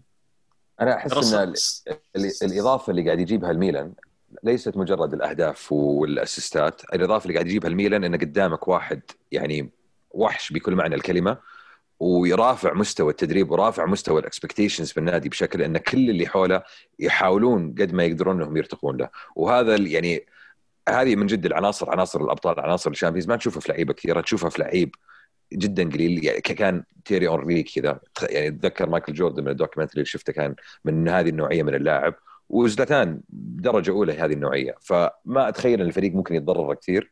أشوف إن الميلان عنده حلول وعناصر كثيرة يعني تساعده ممكن إنه يستمر في مستواه الكويس. وزلتان يعني مجرد هو القائد الأول بالنسبة للفريق. ترى صارت أتوقع هذا الموسم لما أصيب بالفيروس زلتان الفريق استمر على نفس الرتم ونفس الأداء وأعتقد إنه فاز وتعادل مباراه إذا كنت ماني غلطان أو فاز في مباراتين أو ثلاثة. آه، ف صراحة أنا يعني الكريدت يروح كريدت كبير يروح لزلاتان أكيد. لكن بيولي صراحة الشغل اللي سواه مع الفريق المنظومة اللي سواها اللي خلقها التجانس اللي صار آه، إدارة ميلان صراحة تشكر على ثقتها في هذا المشروع والإبقاء على بيولي يمكن تناقشنا كثير على أنه هل بيولي بيقعد بيستمر هل الأفضل أنه يطلع يجيبون مدرب أكبر اسم أكبر. لكن ثقة إدارة ميلان وثقتها في بيولي ورؤية بيولي واستراتيجية بيولي اللي لاحظوها وحسوها في نهاية الموسم اللي راحت طلع لنا فريق غير إنه ترى صار عنده ثقافة الفوز وصار في منظومة حلوة ولعب هذا قاعد يمتع فريق ترى فيه متعة. يعني أنا بالنسبة لي ثلاثي خط الوسط بن ناصر كيسيه هاكان آه صراحة من أفضل ثلاثي الوسط اللي اللي في في الدوريات الثلاثة خلينا نقول الكبيرة ولا الأربعة الموسم هذا سوفار حلول. إيه. حلول تسجيل متعة. متعة صناعة تبغاهم يقطعون يقطعون بن ناصر وكيسي ما شاء الله في كل الملعب. ما شاء الله. لا بس يعني نتكلم عن جد ست مباريات خمسة انتصار وفي تعادل يعني ترى ركض مجنون. صح. صح فعلا بالنسبة للميلان بالنسبة للميلان في الفترة الماضية عشان ما حد يزعل مننا ركرد مجنون. صح. ما أشوف إنه يوقفهم شيء ما أشوف إنه يعيقهم شيء. السؤال مو على الميلان السؤال على اللي حول الميلان تحت الميلان وينهم؟ بس قبل ما ابعد عن ميلان أنا زي ما سألتكم في الدوري الإنجليزي عن سبيرز وعن آه، إيفرتون. مع فرق التشبيه لكن ميلان إلى أي مدى بيستمر؟ آه، هل ممكن يستمر في منافسة على الدوري؟ هل هو مرشح الآن للدوري؟ ولا هي بداية قوية وفي ظل تعثر الفرق اللي كانت قوية الموسم الماضي اليوفي الإنتر آه، نابولي لاتسيو أتلانتا كلها فرق ممتازة فهل مع عودتهم إلى وضعهم الطبيعي خلينا نقول ومع ضغط المباريات الجاي يرجع ميلان شوي ويركز على أحد مراكز الأربعة الأولى؟ آه، هذا اللي كنت بسأل أنا ليش جمهور ميلان عندهم هذا الشك بعد المستويات الجميلة اللي قاعد يقدمها ميلان الآن؟ هل أنت قبل بداية الموسم كنت متوقع أنك أنت ممكن تقدم تأدي هذا المستوى وتفوز في خمس مباريات من أصل ستة وتكون متصدر so far في الدوري الإيطالي؟ ما أعتقد. ولا تتخيل. ما أتوقع يعني. بالضبط. فأنك أنت وصلت إلى هذه المرحلة هذا شيء ممتاز. نعم. أسوأ شيء أتوقع ممكن يصير هذا الموسم الميلان أسوأ شيء إنه يطلع من ال top four وهذا شيء أتوقع إنه بناء على المستويات اللي قاعدة تصير الآن والرتم العالي اللي فيه الفريق وغير كذا الدكة دكة الاحتياط اللي موجودة. يعني لما لما تشوف خط الوسط تونالي احتياط لكيسي وبن ناصر ممتاز جدا. لما تشوف آه, آه، الله آه كاستييخو احتياط لمثلا سالم ولا الثاني ريبتش لاعب جيد وممتاز يقدر يؤدي في حلول في دكة ممتازة. فالمركز الثاني المركز الثالث في اسوء الاحتمالات أنا أعتبرها شيء بيصير ممتاز جدا أنا أشوف بالنسبة انه دام دام معهم زلتان إذا تقدر تحتفظ على زلتان في في مستواه بدون إصابات طبعا منافس للدوري بلا شك منافس للدوري. لأن الإنسان هذا ممكن يسوي أشياء ما حد ثاني يسويها. ولا زال في عمره قاعد يسوي أشياء ما حد ثاني يقدر يسويها. أتفق معك. زلاتان متعة. والله متعة صراحة اللاعب هذا يعني. من زمان ما أنا أحبه. يمكن إني كرهته فترة قصيرة بس يوم راح ذاك الفريق اللي ما يتسماش. بس بعدين خلاص يعني سامح. سوء حظ زلاتان أنا بالنسبة لي. سوء حظ زلاتان غير إنه ما قد فاز بالشامبيونز أوكي. إنه ما قد كان الفريق كان الشامبيونز إنه ظهر في وقت أو برز في وقت رونالدو ميسي ومع ذلك أتوقع ما في أحد ينكر اليوم عظمة زلاتان. هو بع... هو أنا أشوف هو اللي بعدهم ترى على طول الصراحه من ناحية مهارة و skill ك skill ومهارة وهو اللي بعدهم هو نيمار. بس هو أكثر من نيمار لأن نيمار يعني بزل. fair enough fair enough أنا كما كمحب للدوري الإيطالي سعيد جدا بعودة ميلان سعيد جدا بتصدر ميلان. أحس ما ينفع الدوري الإيطالي بدون ميلان في المراكز المتقدمة ف ان شاء الله يستمر هذا الشيء. مع تمنياتي طبعا لفريق إنه يفوز بالدوري. speaking of which نرجع نحول على اليوفي اللي استطاع إنه يفوز 4-1 أمام سباتزيا. سبيتزيا سبيتزيا آه، قبل المباراة هذه كان أحد آه، أربع فرق ما قد فاز عليهم اليوفي في التاريخ. آه، التقى معهم اليوفي مرتين في السيريا بي قبل 14 سنة. انتهت ال- الأولى بالتعادل والإياب انتهت بخسارة اليوفي. فوز في سبيزيا فرقم قياسي جديد هذا تحطم يعني حطم بيرلو ف يعني مجهود يذكر فيشكر. يا أخي لكن- اعطيه اعطيه اعطيه اعطيه القليل من الوقت يا يا لكن لكن. بكل يعني جديه بكل جدية الفريق كان مستوى عادي جدا. آه، آه، آه، موراتا موراتا آه، موراتا سجل وهدف ألغي بداية التسلل في البداية. بعد. لحظة. بعدين رجع للفار وطلع هدف صحيح. اشوى أشوى. بس بعدها يمكن بخمس دقائق سجل هدف وألغي في بداية التسلل.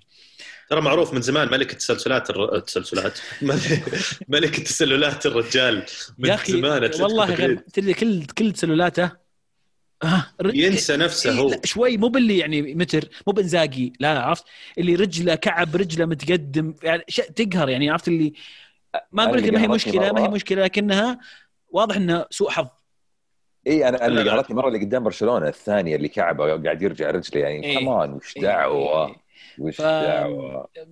لا ربش هو هو. ربش كذا. أنا أشوف إنه ما زال رائع جدا. الأسيست اللي أعطاه ل- لكريستيانو يوم نزل. طبعا كان واحد واحد كانت واحد واحد المباراة ونزل رونالدو في دقيقتين و15 ثانية سجل هدف تقدم اليوفي تغير اللعب.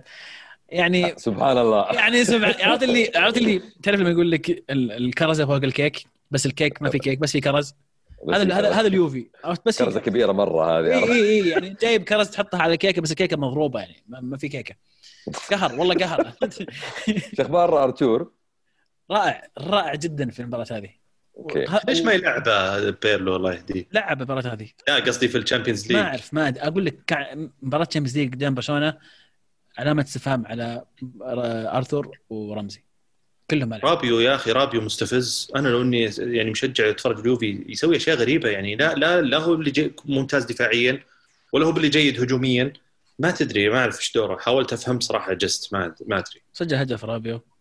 أنا عارف بس يعني. ما ناولها. عاد كويس يعني كم مو- فاتح ما ناولها. هذه يعني. لا تطلع تطلع متسلل الحين من فضيلك. والله ما يعجبني ابدا. أنا لا لا مره يعني- بالغ فيه. اللاعب كويس لاعب موهوب يعني. هو أنا بالنسبة لي كويس ك يعني كدكة. احتاج ابغاه كدكه ما ابغاه ك as as support اي إيه، support support. هو support player. تعتمد عليه يعني. ما في كثير نتكلم فيه عن في هذه المباراة غير يعني رونالدو. يعني زي ما تكلمنا عن زلاتان أساساً نتكلم عن رونالدو.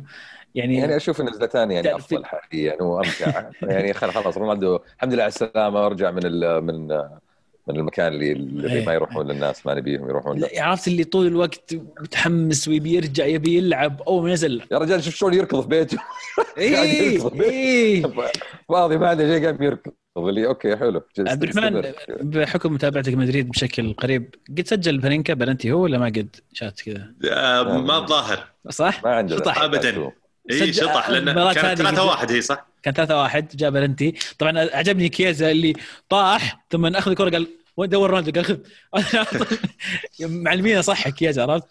فطبعا سجلها بطريقة أم، المباراة الثالثة اللي بتكلم عنها بشكل كان ودي عبد الله يكون موجود صراحة لأن موضوع يخص نابولي اللي هو فوز أو خسارة نابولي أمام ساسولو بهدفين مقابل لا شيء. تكلمنا عن عن ساسولو وأنهم السنة هذه هم أتلانتا اللي ما حد ما حد ملاحظهم.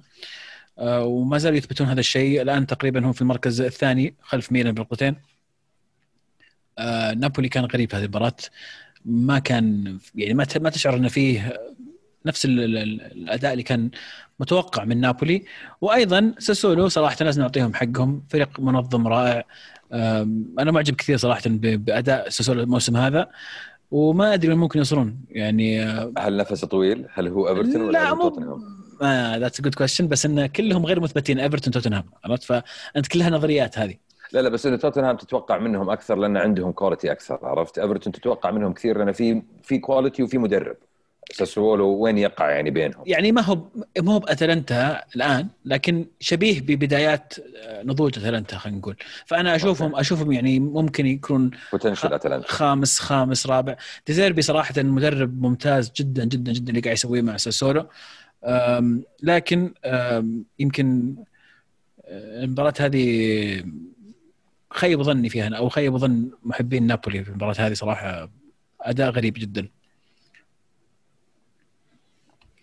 أحد أحد فيكم شاف أه، تورينو لاتسيو؟ تورينو لاتسيو انتهت 3 4 مباراة جميلة. لا للأسف كانت للاسف مباراة رائعة صراحة. يعني في كثير ترى ثلاثة أربعة اللي في أوروبا الأسبوع الأسبوع هذا كان في ساوثهامبتون و... ساوثهامبتون وأنا هذه شفتها. وأستون فيلا صح؟ ساوثهامبتون وأستون فيلا إيه. إيه. يا أخي مت- ممتع متعة الصراحة ساوثهامبتون. جميلة زحف. كانت. هذه في إيطاليا كان تورينو متقدم إلى الدقيقة 90 90 أبغى أقول. جاب بلنتي. كان إيه كان جاب بلنتي وتسدد البلنتي الدقيقه 95 جاء التعادل. دقيقة 98 جاء الهدف الثاني للاتسيو فخسارة 95 التعادل وين؟ 80 إيه. وين؟ إيه. وش ذا القلبة؟ وش ذا القلبة العنيفة؟ المباراة كانت صراحة زاحفة.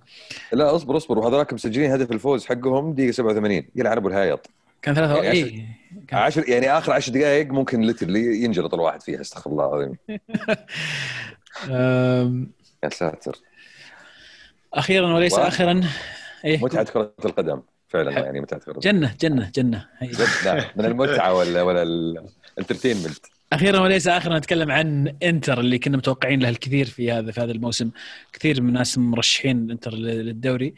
آه ما أدري وينهم صراحة. ما أدري منهم لكن ما ما ما الفكرة آه إنتر تأخر بهدفين من جيرفينيو.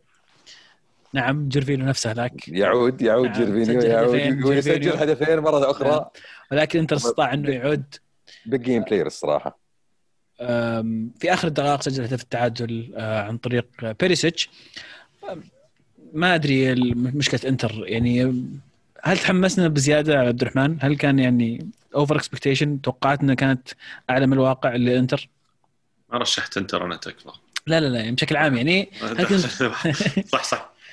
لأني أنا الصراحة فيما يخص كونتي علامة استفهام كبيرة. أنا أعرف إنه آه، كل فريق يروح له ممكن يحقق دوري أو أو يكون سبب في انه الفريق يرجع للدوري إذا كان غايب عن الدوري أو أو يستمر في تحقيق الدوري لكن اللي قاعد تسويه مع إنتر أحس وبحكم إنك أنت برضو يا عزيز متابع الدوري الايطالي عن قرب تحس إنه بوادر هذا المشروع آه، ما في نجاح. آه ليش؟ ال- الشكاوي الكثيرة. آه مستوى الفريق على أرض الملعب يعني عناصريا وطريقة لعب ما هي ممتازة ولا أحس أنها وصلت لل- لل- للشكل آه، اللي أي فريق أو أي مشجع يتابع إنتر يتمناه. هذا رقم اثنين. رقم ثلاثة وتكلمنا عنها يمكن الحلقة الماضية أنه اعتماد إنتر الواضح من الموسم الماضي على لوكاكو. اعتماد كبير على لوكاكو وانه هو المحرك الرئيسي للعب. لما اصيب لوكاكو بدأ يظهر الفريق نوعا ما بلا حلول. مع العلم انه صفقات في جميع المراكز يمكن عنده يمكن لا يقل عن لاعبين ثلاث لا- لاعبين في كل مركز. آه، لوتارو مارتينيز قدر آه، قدرت الإدارة أو قدر الفريق إنه يحافظ عليه ويكون موجود. اللي من المفترض إنه يكون هو الأفضل بديل للوكاكو أو أفضل مساعد للوكاكو شفناه بمستوى يعني متذبذب وما هو لوتارو اللي عرفناه في بدايته. آه، أعتقد إنه كونتي على أساس يبدأ يرجع يمسك الطريق صح ويبدأ يرجع ينافس على الدوري آه، بطريقة ممتازة لازم يستقر على تشكيلة ثابتة خصوصا في خط الدفاع اللي شفنا فيها كولاروف أبو 36 سنة اللي اللي بارما قدر آه، يضربون دفاعهم في هجمتين وفي كور آه، مرة سهلة وهذا الشيء ما ما صار بس مع بارما راح يصير صار مع فرق قبل وراح يصير مع فرق قدام إذا استمر نفس الشكل ونفس التنظيم. آه، فيحتاج أتوقع يحتاج شغل كبير ويحتاج استقرار أكثر إنتر على أساس يرجع يكون مرشح أو منافس على الدوري. هل لا زال يدمر كونتي؟ هل لا زال يتشكى؟ لا يعني ما تحس إنه خلاص جاب اللي يبيه ولا؟ هل السماء زرقاء؟ هل هل قد يعني يا ساتر. هل الشجر أخضر؟ يعني الشجر مو شرط يكون أخضر. لا طلع طلع صرح تصريح ثاني. أنا ناسي تفاصيل التصريح بس أتذكر إنه كان يعني زي اللي آه، اللعيبة ما عندهم ال- الرغبة القوية انهم إنهم يفوزون. تنقصنا كثير من النجاعة أو زي ما يقولون أو الهنجر في هذا تزبيد اللعيبه طيب. هذه هنا هذا موضوع مختلف يعني. إيه. تذ- هو تذمر هو ت- هو تذمر في يحق له ابسط حقوقه يتدمر بس إنه مو يقعد ينفس على الإدارة ما سويتوا لي آه، هذا كان مواجهة السنة الماضية. اي أنا هذا قصدي السنة هذه خلاص موديل يعني جديد. تغير الشريط اي تغير إيه. الشريط. شريط هو. تغير شيء لكن المحصلة واحدة للأسف يعني. طيب أم بس اتذكر سمبدوريا جنوا ديربي ديلانتيرنا واحد واحد. ديربي ديربي ال- ال- ال- المنارة. المنارة. المنارة.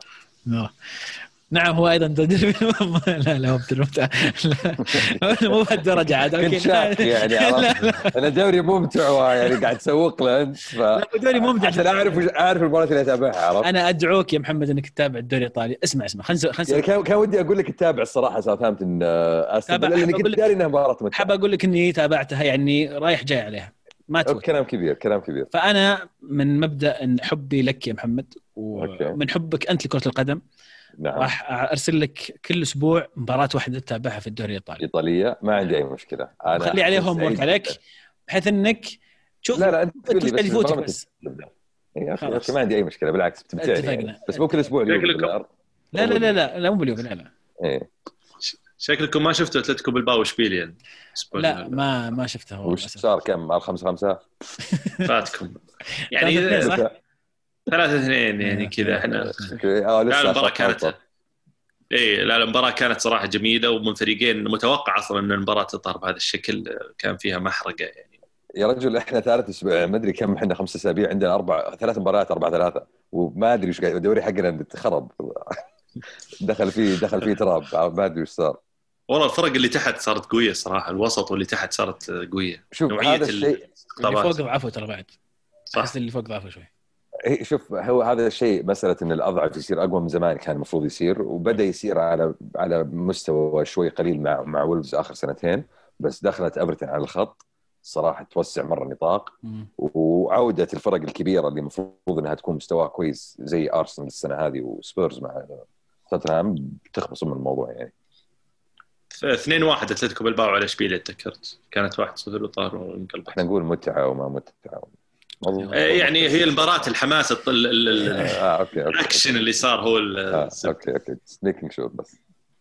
طيب آه كذا يكون قفلنا الدوري الإيطالي. آه نصل إلى فقرة بطل وبصل وهدف الأسبوع. بطل وبصل. آه، في أبطال كثير آه، أخي. سمعني إياها كذا بشوية حماس. والله والله أقول لك بطل وبصل. إيه. في في والله أبطال كثير الصراحة. أقدر أعطيك الأبطال الكثير حقين الأسبوع هذا. حاول ما تأخذ كل ابطالنا وتخلينا بدون أبطال لو سمحت. طب أنتوا قولوا أول عشان أنا عارف لا لا لا أبد. تفضل تفضل. أنا طيب بط... أنا بالنسبة لي بطلين الصراحه stand out بطلين ذات من جد يعني. يحسب لهم التحية. أه. جيمس وارد بروز لاعب ساوثهامبتون الوسط وكابتن فريق ساوثهامبتون يشبك فاولين يا عيال. فاولين في نفس الشوط. يعني كان فاولين الصراحة رائعين وجميلين وممتعين وما توقعت صراحة إني أشوفهم. اللي كان عنده جيمس وارد بروز في ال fantasy كان جدا سعيد. آه والبطل الثاني لا خلاص البطل الثاني بخليه الصراحه هدف الأسبوع بالنسبة لي هو هدف ايبرا الأول أمام ميلان. آه وهذا بالضبط الأشياء الشيء اللي كنت أتكلم عنه يسوي أشياء ما حد ثاني يقدر يسويها. جاية الكره من اليسار عكسيه والرجال مد رجله وسحبها من قدام الحارس والحارس راح ورا. هدف زلتاني أنا بالنسبة لي كان الصراحه آه بصل الأسبوع بصل الأسبوع هو نادي انفيرنس كاليدونيان ثيسل معروف. هذا نادي نادي آه، أيرلندي آه، وكان عنده يعني فكرة إنه وده يعني يصنع تكنولوجيا جديدة ويضيفها في النادي هذا. وقرر إنه بدل ما يكون عنده cameraman يدفع عليه فلوس إنه يروح يجيب روبوت AI عرفت؟ ويحط الروبوت ال AI هذا يتحكم بالكاميرا طبعا الرجال اللي ما توقعه للأسف يعني إن الكاميرا ممكن يعني تلخبط بين شكل الكورة وبين أشكال أخرى يعني تشبه الكورة زي حكم الراية الأصلع. فالناس قاعدين تتابع المباراة عرفت؟ الكوره لا الكورة ماشية واللعب ماشي وحماس. فجأة الكاميرا تسحب اللعب وتروح تطالع في حكم الراية الأصلع. ليش؟ لأن تحسب رأس الأصلع كورة. طبعا كيف طلع الموضوع؟ انه في الدوري هذاك عندهم streaming service لأعضاء النادي أو متابعين النادي فيدفعون 5 pound الظاهر شيء زي كذا ويتفرجون المباريات فطبعا العالم نفست وفصلت وقالت إيش قاعد تسوون أنتم؟ طبعا أعطوا اقتراحات للنادي قالوا لهم يعني ممكن تشتروا له طاقيه حطوا له ويج عرفت؟ كذا curly hair أي شيء بس يعني بيشوف المباراة يعني. المفروض يراجعون نفسهم نادي انفيرنس كاليدونيان ثيسل interesting هذه شطحة الأسبوع مو بس بصل الأسبوع. بصل اللي يعني إيش قاعد تسوون؟ يعني بنشوف المباراة يعني. في بصل ثاني بس خلاص عشان ما أخرب عليكم. غششني أنا أحتاج بصل بعد شوي. أنا أحتاج بصل بعد شوي. ها أبو داحم عطنا. انت أنا بالنسبة لي بطل الأسبوع آه، زلاتان وميلان اللي مستمرين على نفس الأداء الجميل وصدارة الدوري الإيطالي بعد مرور ست جولات. وزلاتان اللي بعمر 39 سنة قاعد يسوي شيء غريب عجيب. آه، مو بس في هذا الموسم من يوم ما جاء الموسم اللي راح أتوقع إنه ساهم في 22 هدف آه، الميلان من يوم ما جاء وتشز يعني على لاعب عمره 39 سنة أحس رقم مرة كثير. فيستاهلون. آه هدف الأسبوع. والله شو اسمه أنا كنت بقول أهداف صراحة شو اسمه هو حق آه لا إله إلا الله ساوثهامبتون. بروز هو؟ براوز جيمس وورد براوز. اي آه، أهداف الفاولات كلها اثنين حلو. صراحة كل أهداف المباراة هذه اللي ما شافها يشوفها لأنها كلها أهداف حلوة. متعب. جميلة. متعب. حتى هدف داني هدف داني إنجز آه، جميل. اي إيه. ف فهذه الأهداف هي بالنسبة لي أهداف الأسبوع. البصل بنتشارك أنا ويا عزيز إذا غششنا أبو شمس. أنا عندي أنا والله الصراحه استغربت منك بس استمر يا عزيز. تفضل. ما في بصل؟ استغربت مني على إيش؟ أنا أنا يعني تركت واحدة من الأبطال حقيني لك على أساس يعني وسحبت على سحبت عليه يعني ولا حتى ما ما أدري وش أنا لا بالعكس خابت قلهم أنا كنت بقول لك يعني صراحة بالنسبة لي كازميرو بطل شلون تسجل هدفين في الدقيقة 90 وتخلي فريق يتعادل؟ أنت بطل كبير. كلام اللي آه. اللي سويته صراحة تستحق التحية عليه. المفروض يطلعونه يعشونه عرفت؟ يجيبون assist وهدف ما سجل هدفين. ما قصر سوى الشغل ما قصر خلى الفريق يرجع بس أنا زعلان عليهم أبو شمس زعلان زعلان ما عليهم بس افرح لكازميرو يا أخي لا تزعل عليه افرح لكازميرو. I texted him عجبني بالإنجليزي. مو بالعلن حلو حلو حلو. طيب, طيب، عزيز طيب بالنسبة لي آه، بطل الأسبوع آه، راشفورد لاعب مانشستر يونايتد. آه، لسببين هاتريك في ال Champions League وال من الدكة هاتريك من الدكة. هاتريك من الدكة نعم. نعم. والبادره الجميله اللي أطلقها اللاعب عمره 22 سنة واستطاع من عبر عن طريق شهرته وصوته المسموع إنه يطلق و social media طبعا يطلق حملة لإطعام آه، الأطفال اللي في المدارس آه، اللي قطعوا عنهم الأكل. فكان أنا عجبني بغض النظر عن اللي صار بالضبط لكن الفكرة إن أنت استخدمت شهرتك وصوتك المسموع. في بادرة إيجابية وممتازة رغم صغر سنك ما أخذك ما أخذتك الشهرة أو الفلوس وغيرتك. آه، بالعكس استطاع إنه آه، يعني آه، يعطي مثال جيد لكثير غيره. وكثير شفنا الناس قاموا وتحمسوا مع الحملة هذه وساهموا معها نعم. well done راشفورد مشروع لاعب كبير. البصل البصل اعطيكم بصلاتي غششنا. أنا عندي عندي كاتب أشياء بس كلها يعني بصلات يلا آه. بعطي كل واحد واحدة بس أنا بتكلم عن البصلات. أنا ما كنت دخلت okay البصلة الأولى هم نادي البصلة الأولى هم نادي أرسنال على آه. الصراحه على يعني تركهم لمسعود اوزل أغلى لاعب في تاريخك وأكثر واحد يستلم فلوس في ناديك خارج قائمة ال Premier League. وش قاعد تسوي؟ هذا أحسن لاعب في فريقك المفروض. إذا ما تبيه طلعه صرفه. بس وش قاعد تدفع له؟ قاعد كم قاعد تدفع له؟ 400000 في الأسبوع ما قاعد تسوي شيء. بس مو بأحسن لاعب في الفريق مو بأحسن لاعب في المفروض المفروض إنه أحسن لاعب عشان كذا قاعد تدفع له 400000 في الأسبوع. قبل ثلاث ثلاث مواسم. أنا بالنسبة لي مسألة إنها خارج تشكيلة ال Premier League صح قرار صح. غريب جدا جدا. حتى إذا ما تبي تلعبه أساسي حتى إذا ما تبي تعتمد عليه قاعد أنت كذا قاعد ترمي فلوس في الهواء. هذا اللي قاعد تسويه بكل بساطة. آه البصله الثانية بالنسبة لي هم إدارة برشلونة اللي أخيرا اعتزلوا بس بعد إيش؟ بعد ما بغى ينفلم بالنادي وبغى تفلسون وبغى ميسي يطلع وبغى الجمهور يجون يطلعونكم كاتبكم يعني ويغشونكم في الشارع فاخيرا طلعتوا يعطيكم العافية تستحقون بطل عليها بس أنتم بصراحه إنكم استمريتوا في الوقت هذا كذا وطولتوا في الوقت هذا كله وللمكان اللي وصلتوا نادي له بكل بكل بساطة يعني باقي بصلات؟ لا لا هذول الاثنين كل واحد طيب أجل خلني خلني اضيف خلني دائما اختارك من وش تبون أنتم بالضبط؟ يعني هم مدريدي بياخذ عن برشلونة والله شوف وال... كلهم لا والله كلهم ما يعني مو بمرة. يعني بس أنا بخليني أضيف عليها. حامد الصراحة في خاطري يعني. واضح. أنا تبي تطلعها من خاطرك. حكام أو حكم ميلان آه، روما اللي اللي عطى بلنتي سخيف. بعدين عطى بلنتي أسخف عشان يعوضهم على بلنتي السخيف كان شيء مرة غريب يعني حتى الظاهر يمكن ما كان ما كان في حتى لمس في اللقطة الثانية لهالدرجه كان سخيف بلنتي الثاني.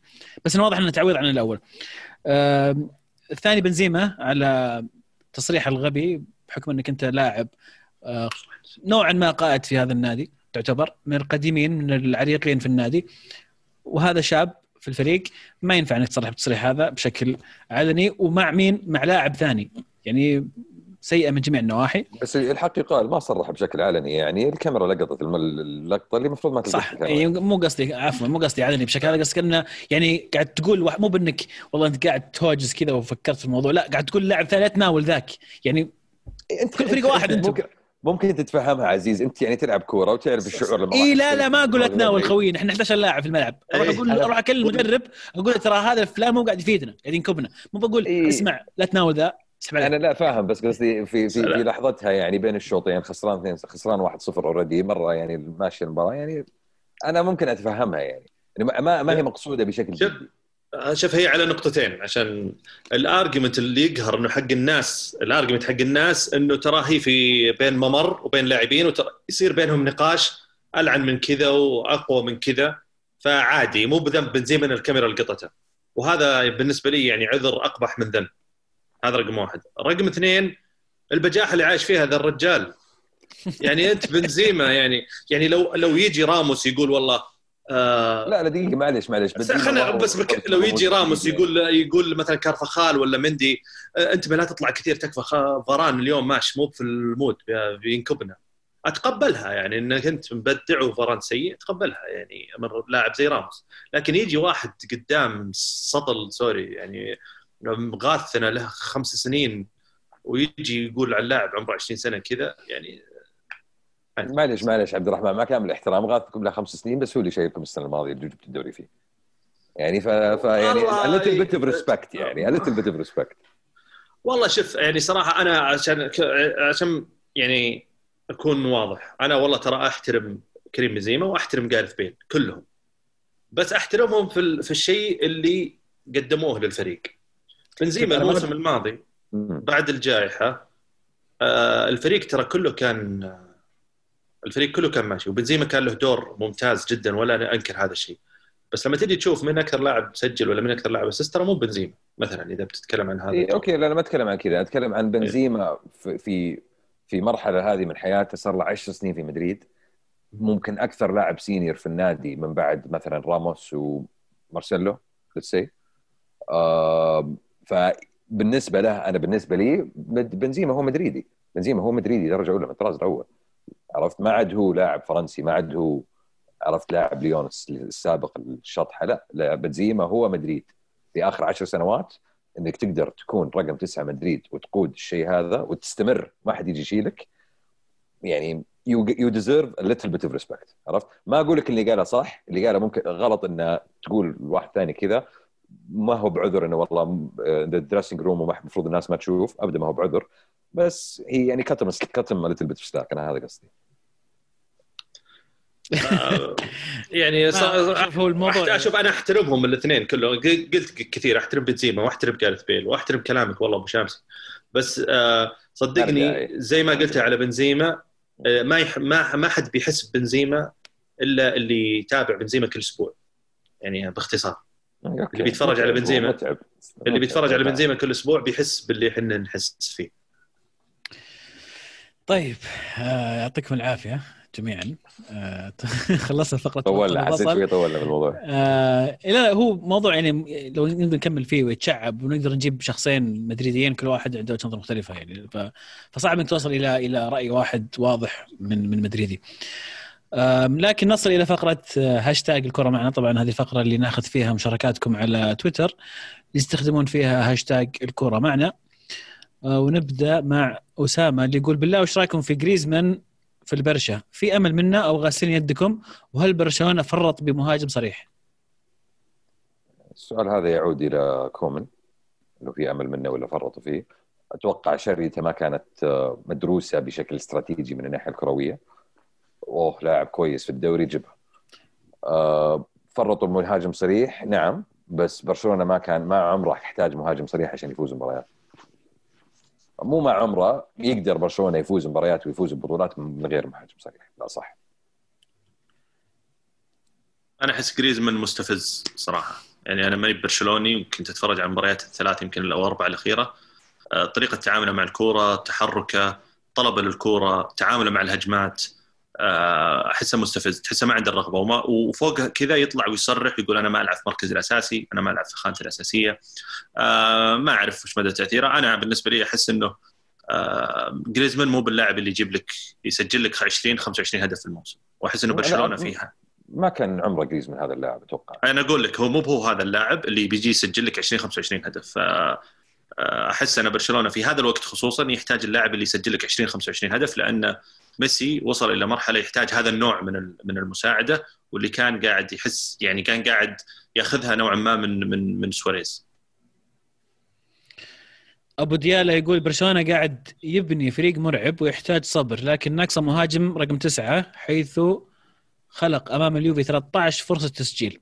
أعجبني كومان منح الثقة لبيدري بعد مباراة الريال والتقليل الاعتماد الكلي على ميسي في كل مباراة يبرز نجم مرة ميسي ومرة كوتينيو ثم فاتي وبيدري مشكلة كومان بس إنه ما يلاعب ريكي بويج مع احترامي له. كثيرة يعني مو مشكلة واحدة الصراحة مع احترامي له ما تقدر تبني فريق مرعب على بيكيه وسيرجي روبرتو وبوسكيتس هل هم فعلا ماسكين شيء على الإدارة؟ لا مو مسألة ماسكين شيء على الإدارة بس إنه كتالونيه وصار لهم فترة وعناصر أساسية من ال- ال dressing room وال culture حق الفريق يعني هم اللي يتمسكون يتمثلون ويتمسكون فيه تقدر تقول. ويعني من ناحية إنهم يعني العنصر القيادة عندهم أقوى من مثلا لاعب زي ميسي لاعب شوي صح. يعني introverted يعني ومتحفظ في نفسه. ف بس في نهاية اليوم تحتاج تحتاج تصفية. لازم تصفي لازم تجدد لازم تغير. مستر جون يقول السلام عليكم. وجهة نظركم من هو الفريق الأفضل دفاعيا في الدوري الإنجليزي حاليا؟ تتوقعون إنه يستمر لنهاية الموسم؟ أنا أشوف أرسنال أو تشيلسي حاليا هم الأفضل كمجموعة وليس أفراد. والح... والحراس المرمى في الفريقين لديهم تصديات خيالية تثبت جودتهم العالية وتغطي المد... وتعطي المدافعين ثقة. شوف أفضل دفاعيا كان أستون فيلا بعدين لقم أربعة. وبعدين بعدين لقم أربعة أربعة. ف... ثلاثة من هو اربعه كان الأفضل دفاعيا. إيه. لا لقم أربعة. آه هو ولا كان قبلها كان هو الأفضل دفاعيا. قبلها كان ماكل ثلاثة من ليدز إيه بس يعني ثلاثة خلاص ليد خرب- بعدين إيه. أربعة إيه أربعة. فخرب ال record حقهم يعني. آه هو مي وش قال الرجال؟ خوينا أرسنال آه، أرسنال تشيلسي حاليا هم. الأفضل كمجموعة. أوكي. ولكن حراس مسوين تصديات خرافية يعني. شوف ما أقدر لسه مرة مبكر بالنسبة لي إني أصفي تشيلسي من ناحية أحسن دفاعات. آه، خسو آه، خسارة فان دايك بتضر ليفربول كثير وبدينا نشوف الضرر هذا يبين من بداية المباريات. آه دفاع السيتي ممكن دفاع السيتي كويس لا بأس ولا؟ دفاع السيتي آه، قاعد فتره بدون clean sheet آه، بس في تحسن لكن للأمانة ما بعد يواجهون أحد يعني اختبار حقيقي. اليونايتد اليونايتد طبعا ما هو في الموضوع أصلا ما هو في النقاش يعني. موضوع مختلف يعني. بس إيفرتون ترى إيفرتون وولفز actually وولفز وولفز رجع ترى آخر كم مباراة يعني صح تحسن صح حقه. إيه، صح. إيه بدأ وولفز سيء أو بداية الموسم بس آخر مباراتين ثلاثة قاعد يفوز 1-0 ومرة كويسة يعني. وتقدر تقول تشيلسي بسبب ال clean sheets اللي أصلا ما كانت كلها في الدوري يعني. هذا اللي كنت بقول. عبد الله يقول يا هلا بالشباب من قلب المحاضرة نشارك. يعطيك العافية عبد الله موفق إن شاء الله. توفيق. يقول الحقيقة أني بديت أصدق نظرية أن ميلان أقرب انه ياخذ الدوري على الإنتر أو أي فريق ثاني هذا الموسم. سوء غير مبرر بنتائج لا محليا ولا اوروبيا. حرام مشروع مثل هذا يتاخر سنة أو سنتين بسبب مدرب مو بعارف يدير المجموعة بشكل جيد. لازم يجيبون زلاتان إنتر؟ عشان يفوزون. إيه، زلاتان يفوزون فيه ما أشوف ميلان فاز السنة الماضية.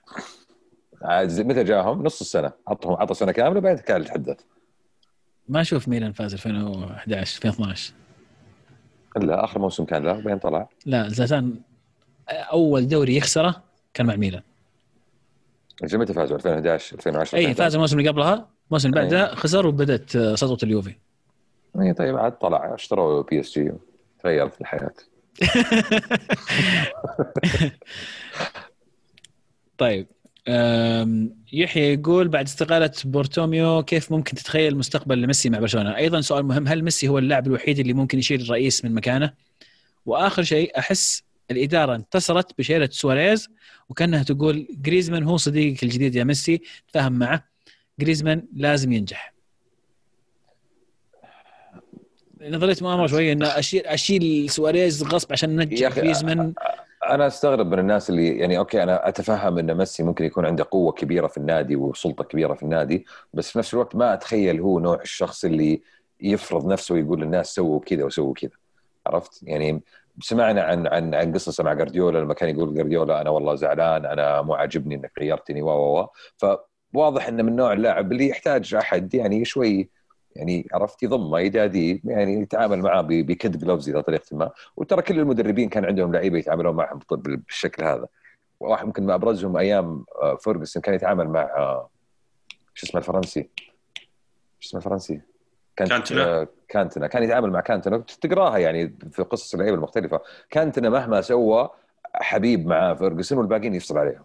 ف هذه من المسألة الأولى من ناحية قوة إيه إن قوة اللاعب في النادي.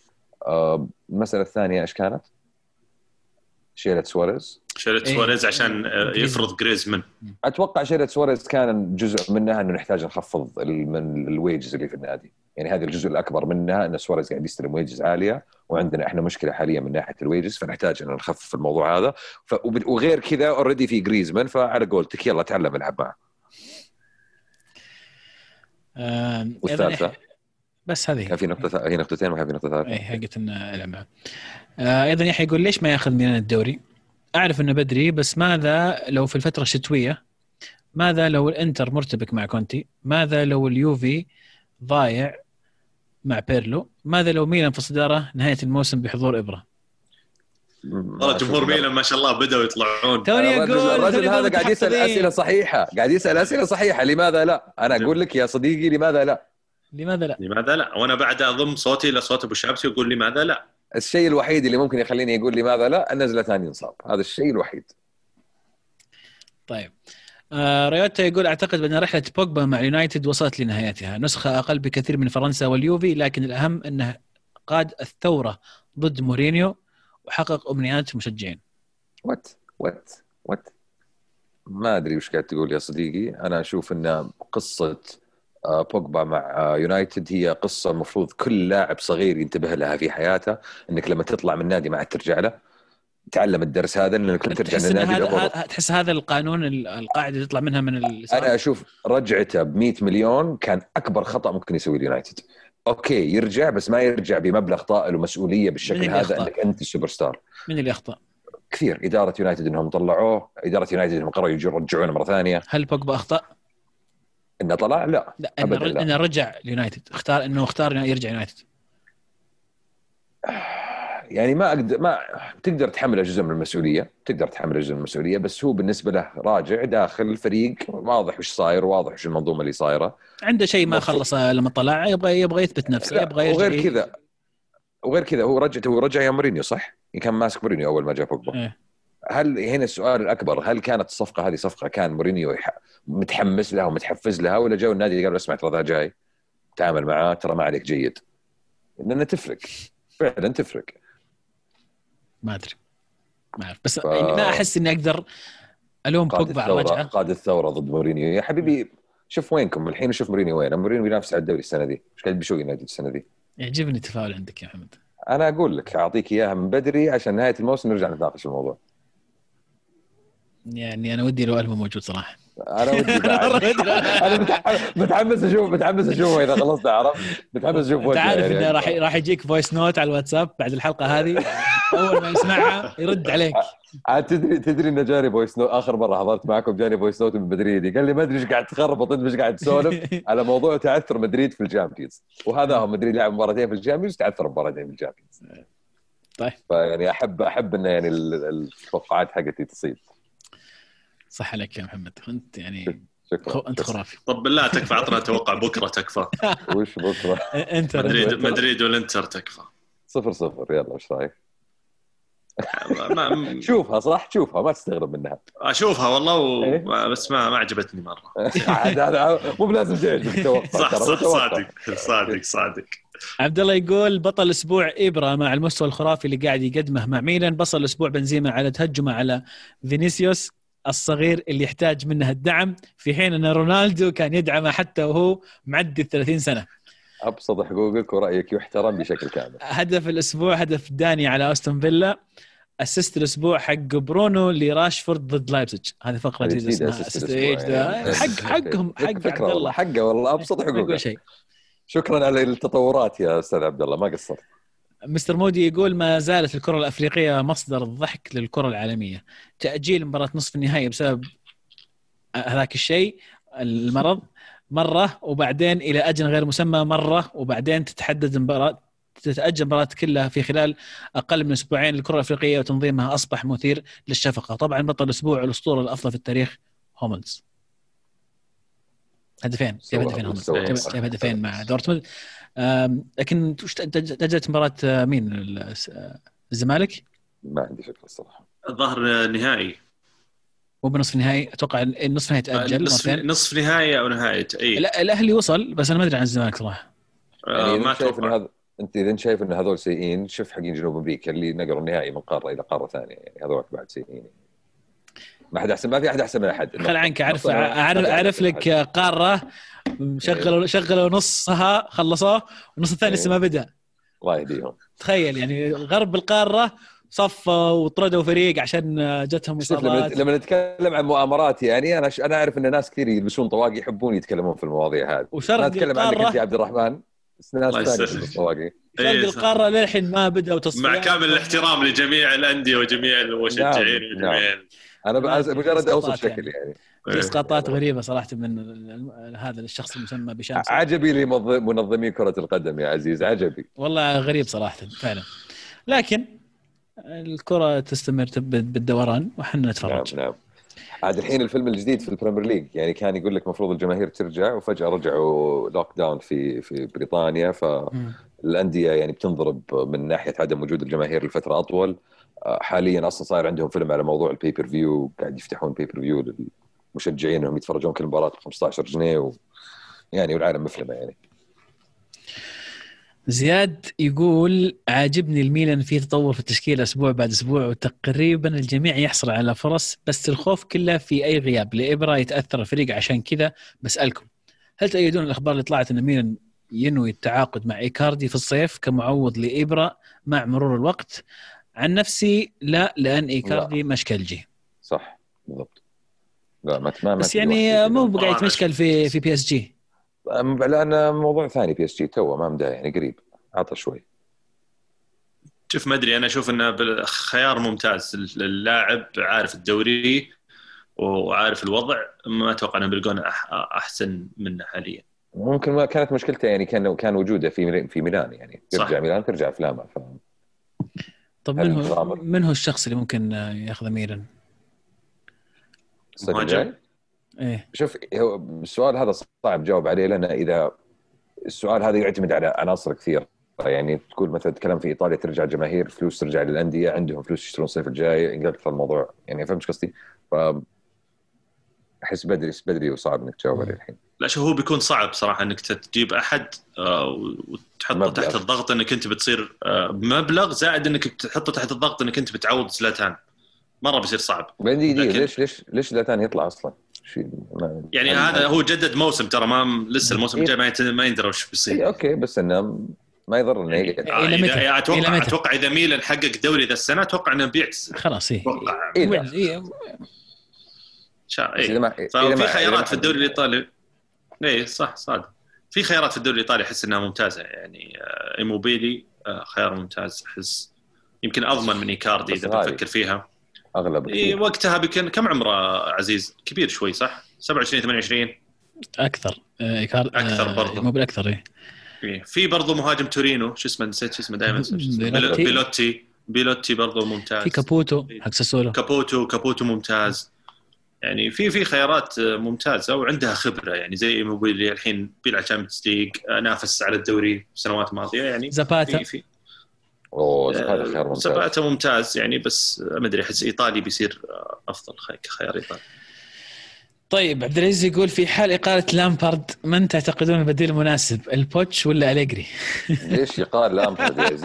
دعوة وين؟ رحت أنت قاعد سؤال سؤالك بديت فيه غلط يعني ال framing حق سؤالك غلط جدا. لأن من من الخيارات حقته بوتشيتينو ولا مين؟ أليجري. يعني لا هذا ولا هذا الصراحة. تبي الصدق؟ لا هذا ولا هذا. أنا أصلا مستغرب لبوتشيتينو إلى الحين آه، ما عنده نادي. آه، إذا يقال لامبارد ممكن يكون بوتشيتينو أقرب لأنه يعرف الدوري وعنده خلف خلفية بناء الفريق. بس مسألة إن يقال لامبارد أنا اشوفها يا عبد العزيز بكل يعني صراحة بعيدة جدا. الموسم هذا at least بعيدة جدا. إلى نهاية الموسم موضوع ثاني.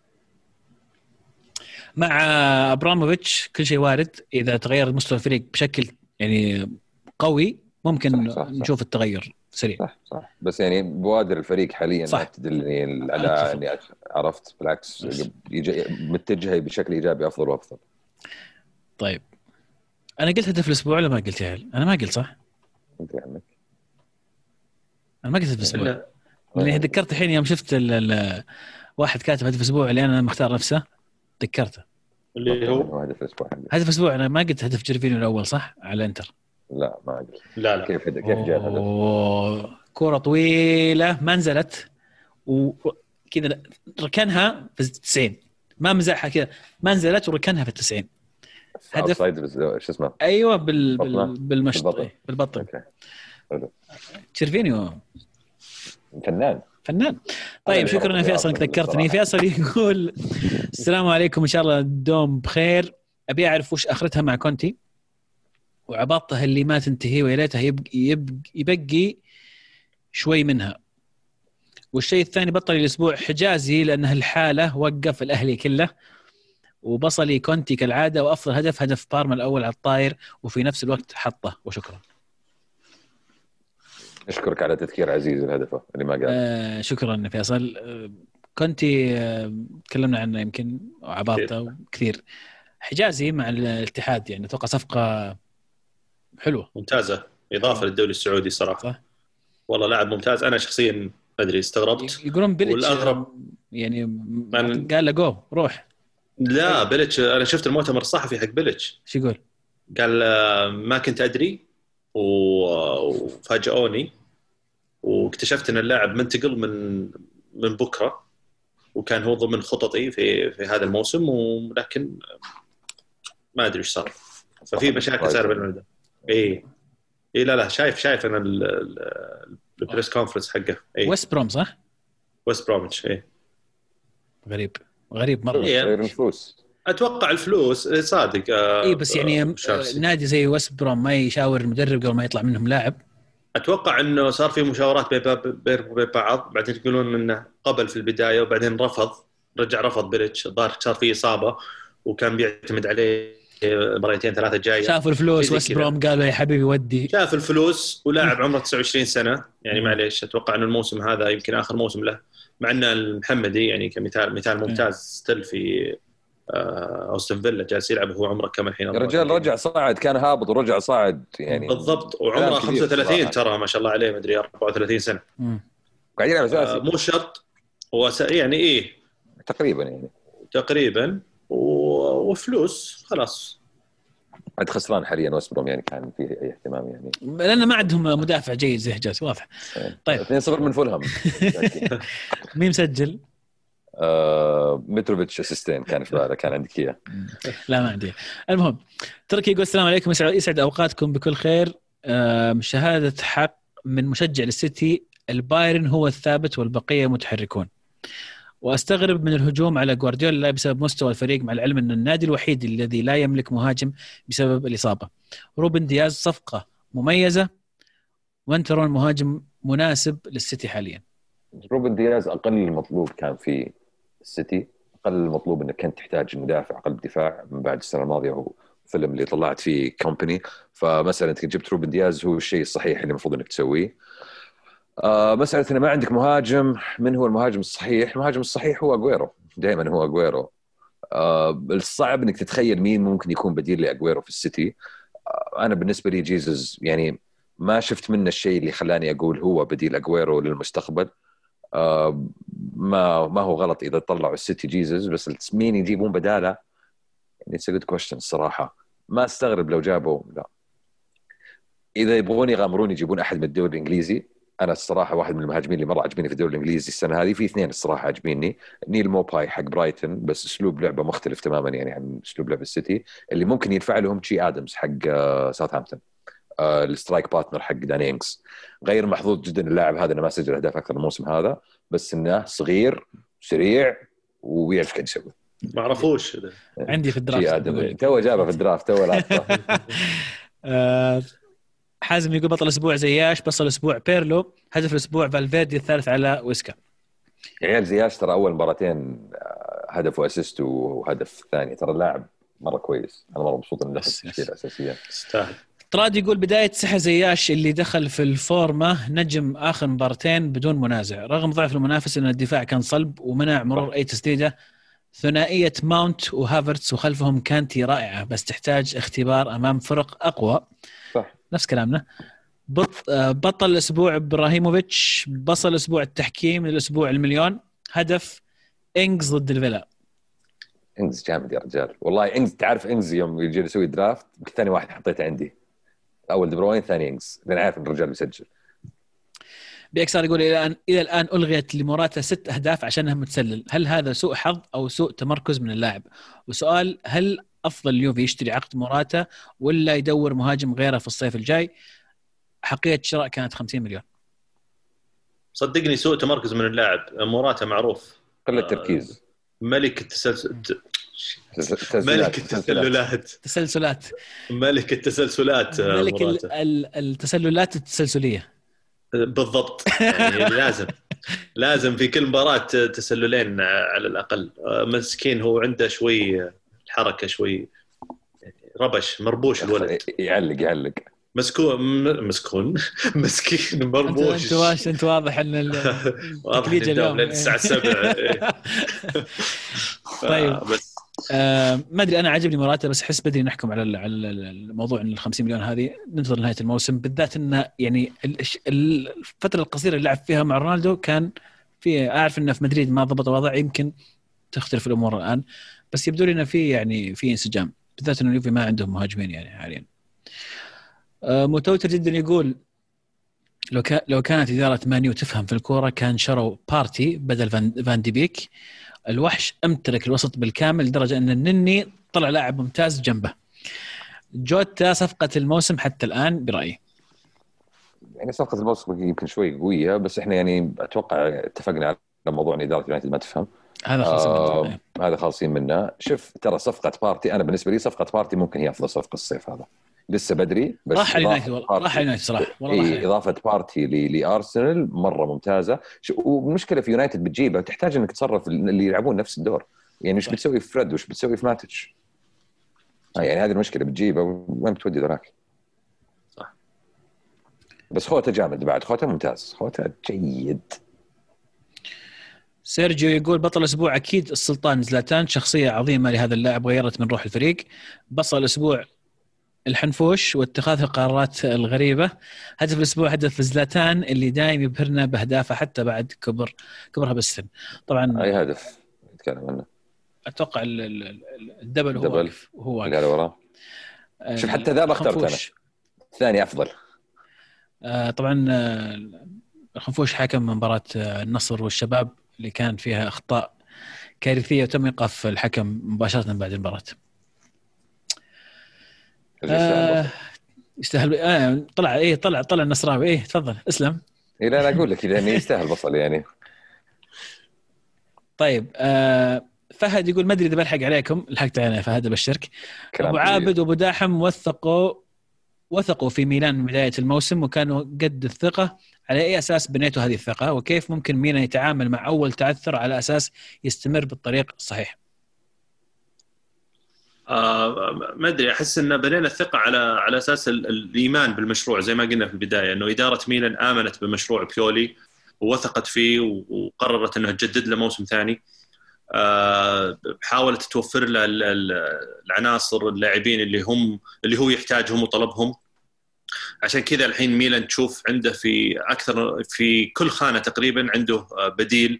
إذا ما كان آه، جيد فهو جيد جدا آه، سواء كان في الوسط حتى على مستوى الأظهرة يعني باستثناء الظهير اليسار شوي لكن حتى على مستوى اليمين صار في دالوت دالوت اللي قدم مستوى ممتاز في ال- اليوروبا ليج حتى في مباراة أودينيزي لما نزل كبديل.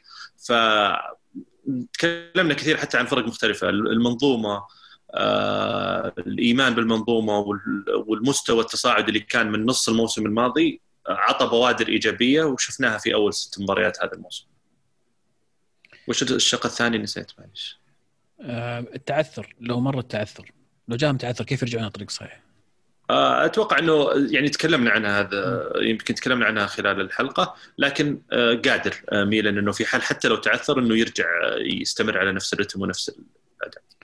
طيب مشاركة قد تكون الأخيرة يحيى يقول لامبارد وأرتيتا مشروعين متشابهين يمكن يختلفون بمعايير النجاح حسب معطيات كل فريق لو انتهى الدوري وكلهم بال top four من دون تحقيق أي بطولة جانبية هل نعتبر أرتيتا نجح أكثر من لامبارد نهاية الموسم؟ إيش معايير نجاح الموسم بالنسبة للاثنين؟ سؤال جميل أبو شا... أبو شامسي بت- ت- عفوا معلش ما كنت مركز معك معلش لأن السؤال أوه. يخص صراحة تشيلسي. آه، لامبارد وأرتيتا فأكيد إنه عندك وجهة نظر. يقول لك هل آه، في حال أرتيتا ولامبارد أو أرسنال وتشيلسي ما حققوا آه، بطولة هذا الموسم وكانوا من ال top four يعتبر موسم ناجح لهم وهل لو صار هذا الشيء بيعتبر موسم ناجح أكثر لأرتيتا من لامبارد؟ بحكم هذا وعلى أي أساس تم قياس هذا؟ هذا الشيء. ما أدري إذا صح سؤالي ولا لا. والله يعني يعني شوف- لخصتها بالضبط شو عليك؟ أوكي. إي لا شوف أكيد إذا إذا وصلوا لل top four يعتبر موسم ناجح لهم. آه، أتوقع يعتبر نجاح أكبر لأرتيتا من من لامبرد لأن أرتيتا ما حققها ولامبرد حققها. التوقعات على لامبرد أتوقع آه، أكبر بكثير من أرتيتا. فال expectation هو إنه يوصل ال top four ما أشوف إن أنا بالنسبة لي ما أحس إنه في خوف على الشيء هذا إنه يصير. آه، بس نعود إلى لا زالوا الفريقين في في مرحلة تغيير لا زال في تجديد كثير قاعد يصير في الفريقين. أنا أشوف إنه ممكن تشيلسي في مرحلة متطورة أكثر من أرسنال من الناحية هذه بسبب الصفقات وال وال يعني التجديد اللي صار خلال الصيف. ولكن إذا ما حققوا ال top four يعني برضو لسه ترى لا زالوا يلعبون بطولات ثانية. يعني أرسنال عنده فرصة إنه مثلا يوصل لل top four يوصل لل Champions League عن طريق ال Europa League. تشيلسي ما تدري you never know يعني في الدوريات في الكؤوس بطولات الكؤوس المحلية يطلع فيها. خليني أقول لك وش وش النجاح بالضبط لتشيلسي؟ وش النجاح بالضبط لأرسنال في الموسم هذا؟ النج... النجاح لأرسنال الموسم هذا إنه يتأهل لل Champions League السنة الجاية. حاول كيف كيف تو... إي كيف توصل لانك حلو. تتاهل لل Champions League السنة الجاية؟ موضوع مختلف. حلو. أوكي؟ تشيلسي؟ النجاح لتشيلسي هو إنك تتأهل لل Champions السنة الجاية وتطلع ببطولة إذا تقدر. إذا ما طلعت ببطولة ووصلت لل Champions ما حيكون فشل هل هو نجاح؟ هل نجاح؟ نجاح إيه هل تعتبر هل انتهى الموسم تشيلسي المركز الرابع فقط تعتبر موسم ناجح لتشيلسي السنة هذه؟ لا ما أعتبره ناجح اعتبره يعني. هل تعتبر D ناجح أنت الحين في الجامعة أخذت A B C D F D نجاح؟ technically أنت نجحت technically okay fair إذا نجاح إذا بتحسبها نجاح نجاح okay. بس تقيمه D حسب برضو هل هو المركز الرابع بآخر جولة آخر مباراة؟ هل هو قريب مرة من الثالث الثاني؟ في معايير مختلفة. ذكرت أيام الجامعة يا عبد الرحمن. توني بقول توني ضاق صدرك توني توني والله ضاق صدري. توني بسألك بقول يعني D بس ترى ال GPA حقه نازل. يا حبيبي أنا في course عدته مرتين أخذت فيه F يوم جبت D قلت الحمد لله يا رب. بس still your GPA is low يعني. ما عليك ضبطت ضبطت لحق كفو والله كفو. الحمد لله. طيب. ماني بقايل لك وش كان الكورس عشان ما أدلني بعد. طبعا أحب أبشرك إني عدت المحاسبة ثلاث مرات يعني. ف... يا والقانون غطيت علي. القانون؟ القانون مرتين بس عزيزتي. بس. نشكرك على الشفافية. طيب آه عبد الله ختاما يقول قبل فترة دخلت جروب التليجرام والحقيقة انصدمت من نقاشات وآراء الشباب الراقية فليش ما تخصص أو تخصص فقرة تأخذون فيها أسئلتهم آرائهم وغيرها. يعطيكم العافية. شكرا يا عبد الله. وفعلا آه، الأمانة جروب التليجرام رائع رائع بشكل. أحبهم أنا والله أصدقائي أحبهم مرة. يعني النقاش أول شيء آه، جميل وثري وعقلاني. عقلاني هذا هو أهم نقطة. ما في طقاق وهو لا لا. كل أحد قاعد يعبر ويتكلم عن رأيه بشكل عقلاني وواضح ومنطقي. وفي وفي طبعا آه، روح رياضية فيها مزح فيها طقطقة. فال group جميل جميل جدا جدا. أتوقع الحين وصلنا 300 آه، شخص في ال group. أتوقع 300 joiners اي أنا ف... اطب كذا طالع من بعيد أشوف شو السالفة كذا بدون اي و... الخوض. وأنا مرجع بالنسبة لي أحيانا إذا أبغى أعرف شفت مثل نتيجة ما تابعت. المباراة وفي شيء صار فيلم أروح ال group أشوف إيش قاعد- يقولون. لأن فعلا أثق في آرائهم وال- والحوارات منطقية وجميلة. ف يستاهلون الصراحة يا عزوز. يعني يستاهلون والله. كذا يستاهلون. نسوي. repost مرة ثانية في تويتر اللي يبغى يشاركنا بس أنا ما ودي يصير مرة زحمة ويخرب النقاش فلا يجينا إلا الناس ال- الكويسين يعني لا تجون طاقون تعالوا مروقين اشرب شاي وادخل غير كذا لا تجي لو لا لا. صدق صدق أنا اكتشفت إن آه، كمية كبيرة من الناس يسمعونا مثقفين جدا جدا جدا كرويا عندهم ثقافة يعني ما شاء الله ما شاء الله ما شاء الله. في ناس يعني أتساءل أحيانا كيف امداه يشوف كل المباريات؟ وكيف. امداه يعرف كل المعلومات؟ ففي متابعين لنا ما شاء الله عليهم فعلا مثقفين ومحنكين في كرة القدم سواء على المعلومات أو حتى تكتيكيا عندهم ثقافة تكتيكية كبيرة جدا. إحنا ما بنا شيء يعني بعد على فكرة. إيه لا لا لا ما ما قلت شيء ما قلت شيء لا لا ابدا. بس أقصد انه أيضا ما شاء الله عليهم يعني في كثير منهم يتخطانا ويتعدانا بمراحل ما شاء الله عليه. ما شاء الله. فنسوي post إن شاء الله للتليجرام وشاركونا. شاركونا فيه وشاركونا أيضا الأسبوع القادم على نفس الهاشتاج الكره underscore معنا. نسعد دائما بآرائكم بأسئلتكم بمشاركاتكم بطل وبصل وهدف. واعذرونا اليوم إذا كان في شوي مستعجلين بالحلقة. أتوقع طولنا يمكن قربنا من. الساعتين قربنا من الساعتين لكن شوف كلنا ثري. بثيابنا جايين من الدوامات آه، وعلى طول على التسجيل. فشكرا عبد الرحمن شكرا محمد آه، شكرا أيضا عبد الله آه، اللي اضطر إنه يستأذن يعطيكم العافية. وتابعونا طبعا على كل البرامج الصوتيات كل برامج البودكاست تابعونا على وقيمونا إذا إذا تحسون أننا نستاهل. انشروا البودكاست ترى يفيدنا النشر. أي شخص تعطيه البودكاست حقنا أنت قاعد تدعمنا بشكل آه، مباشر. آه، تابعونا أيضا على يوتيوب ادخلوا القناة آه، إذا عجبتكم فيديوهاتنا تعرفون إيش تسوون like و subscribe والأشياء هذه كلها. ما نستغني عن دعمكم ابدا ودائما ونلتقي إن شاء الله كعادتنا كل يوم ثلاثاء. كانت الكرة معنا والحين الكرة معكم. تمام.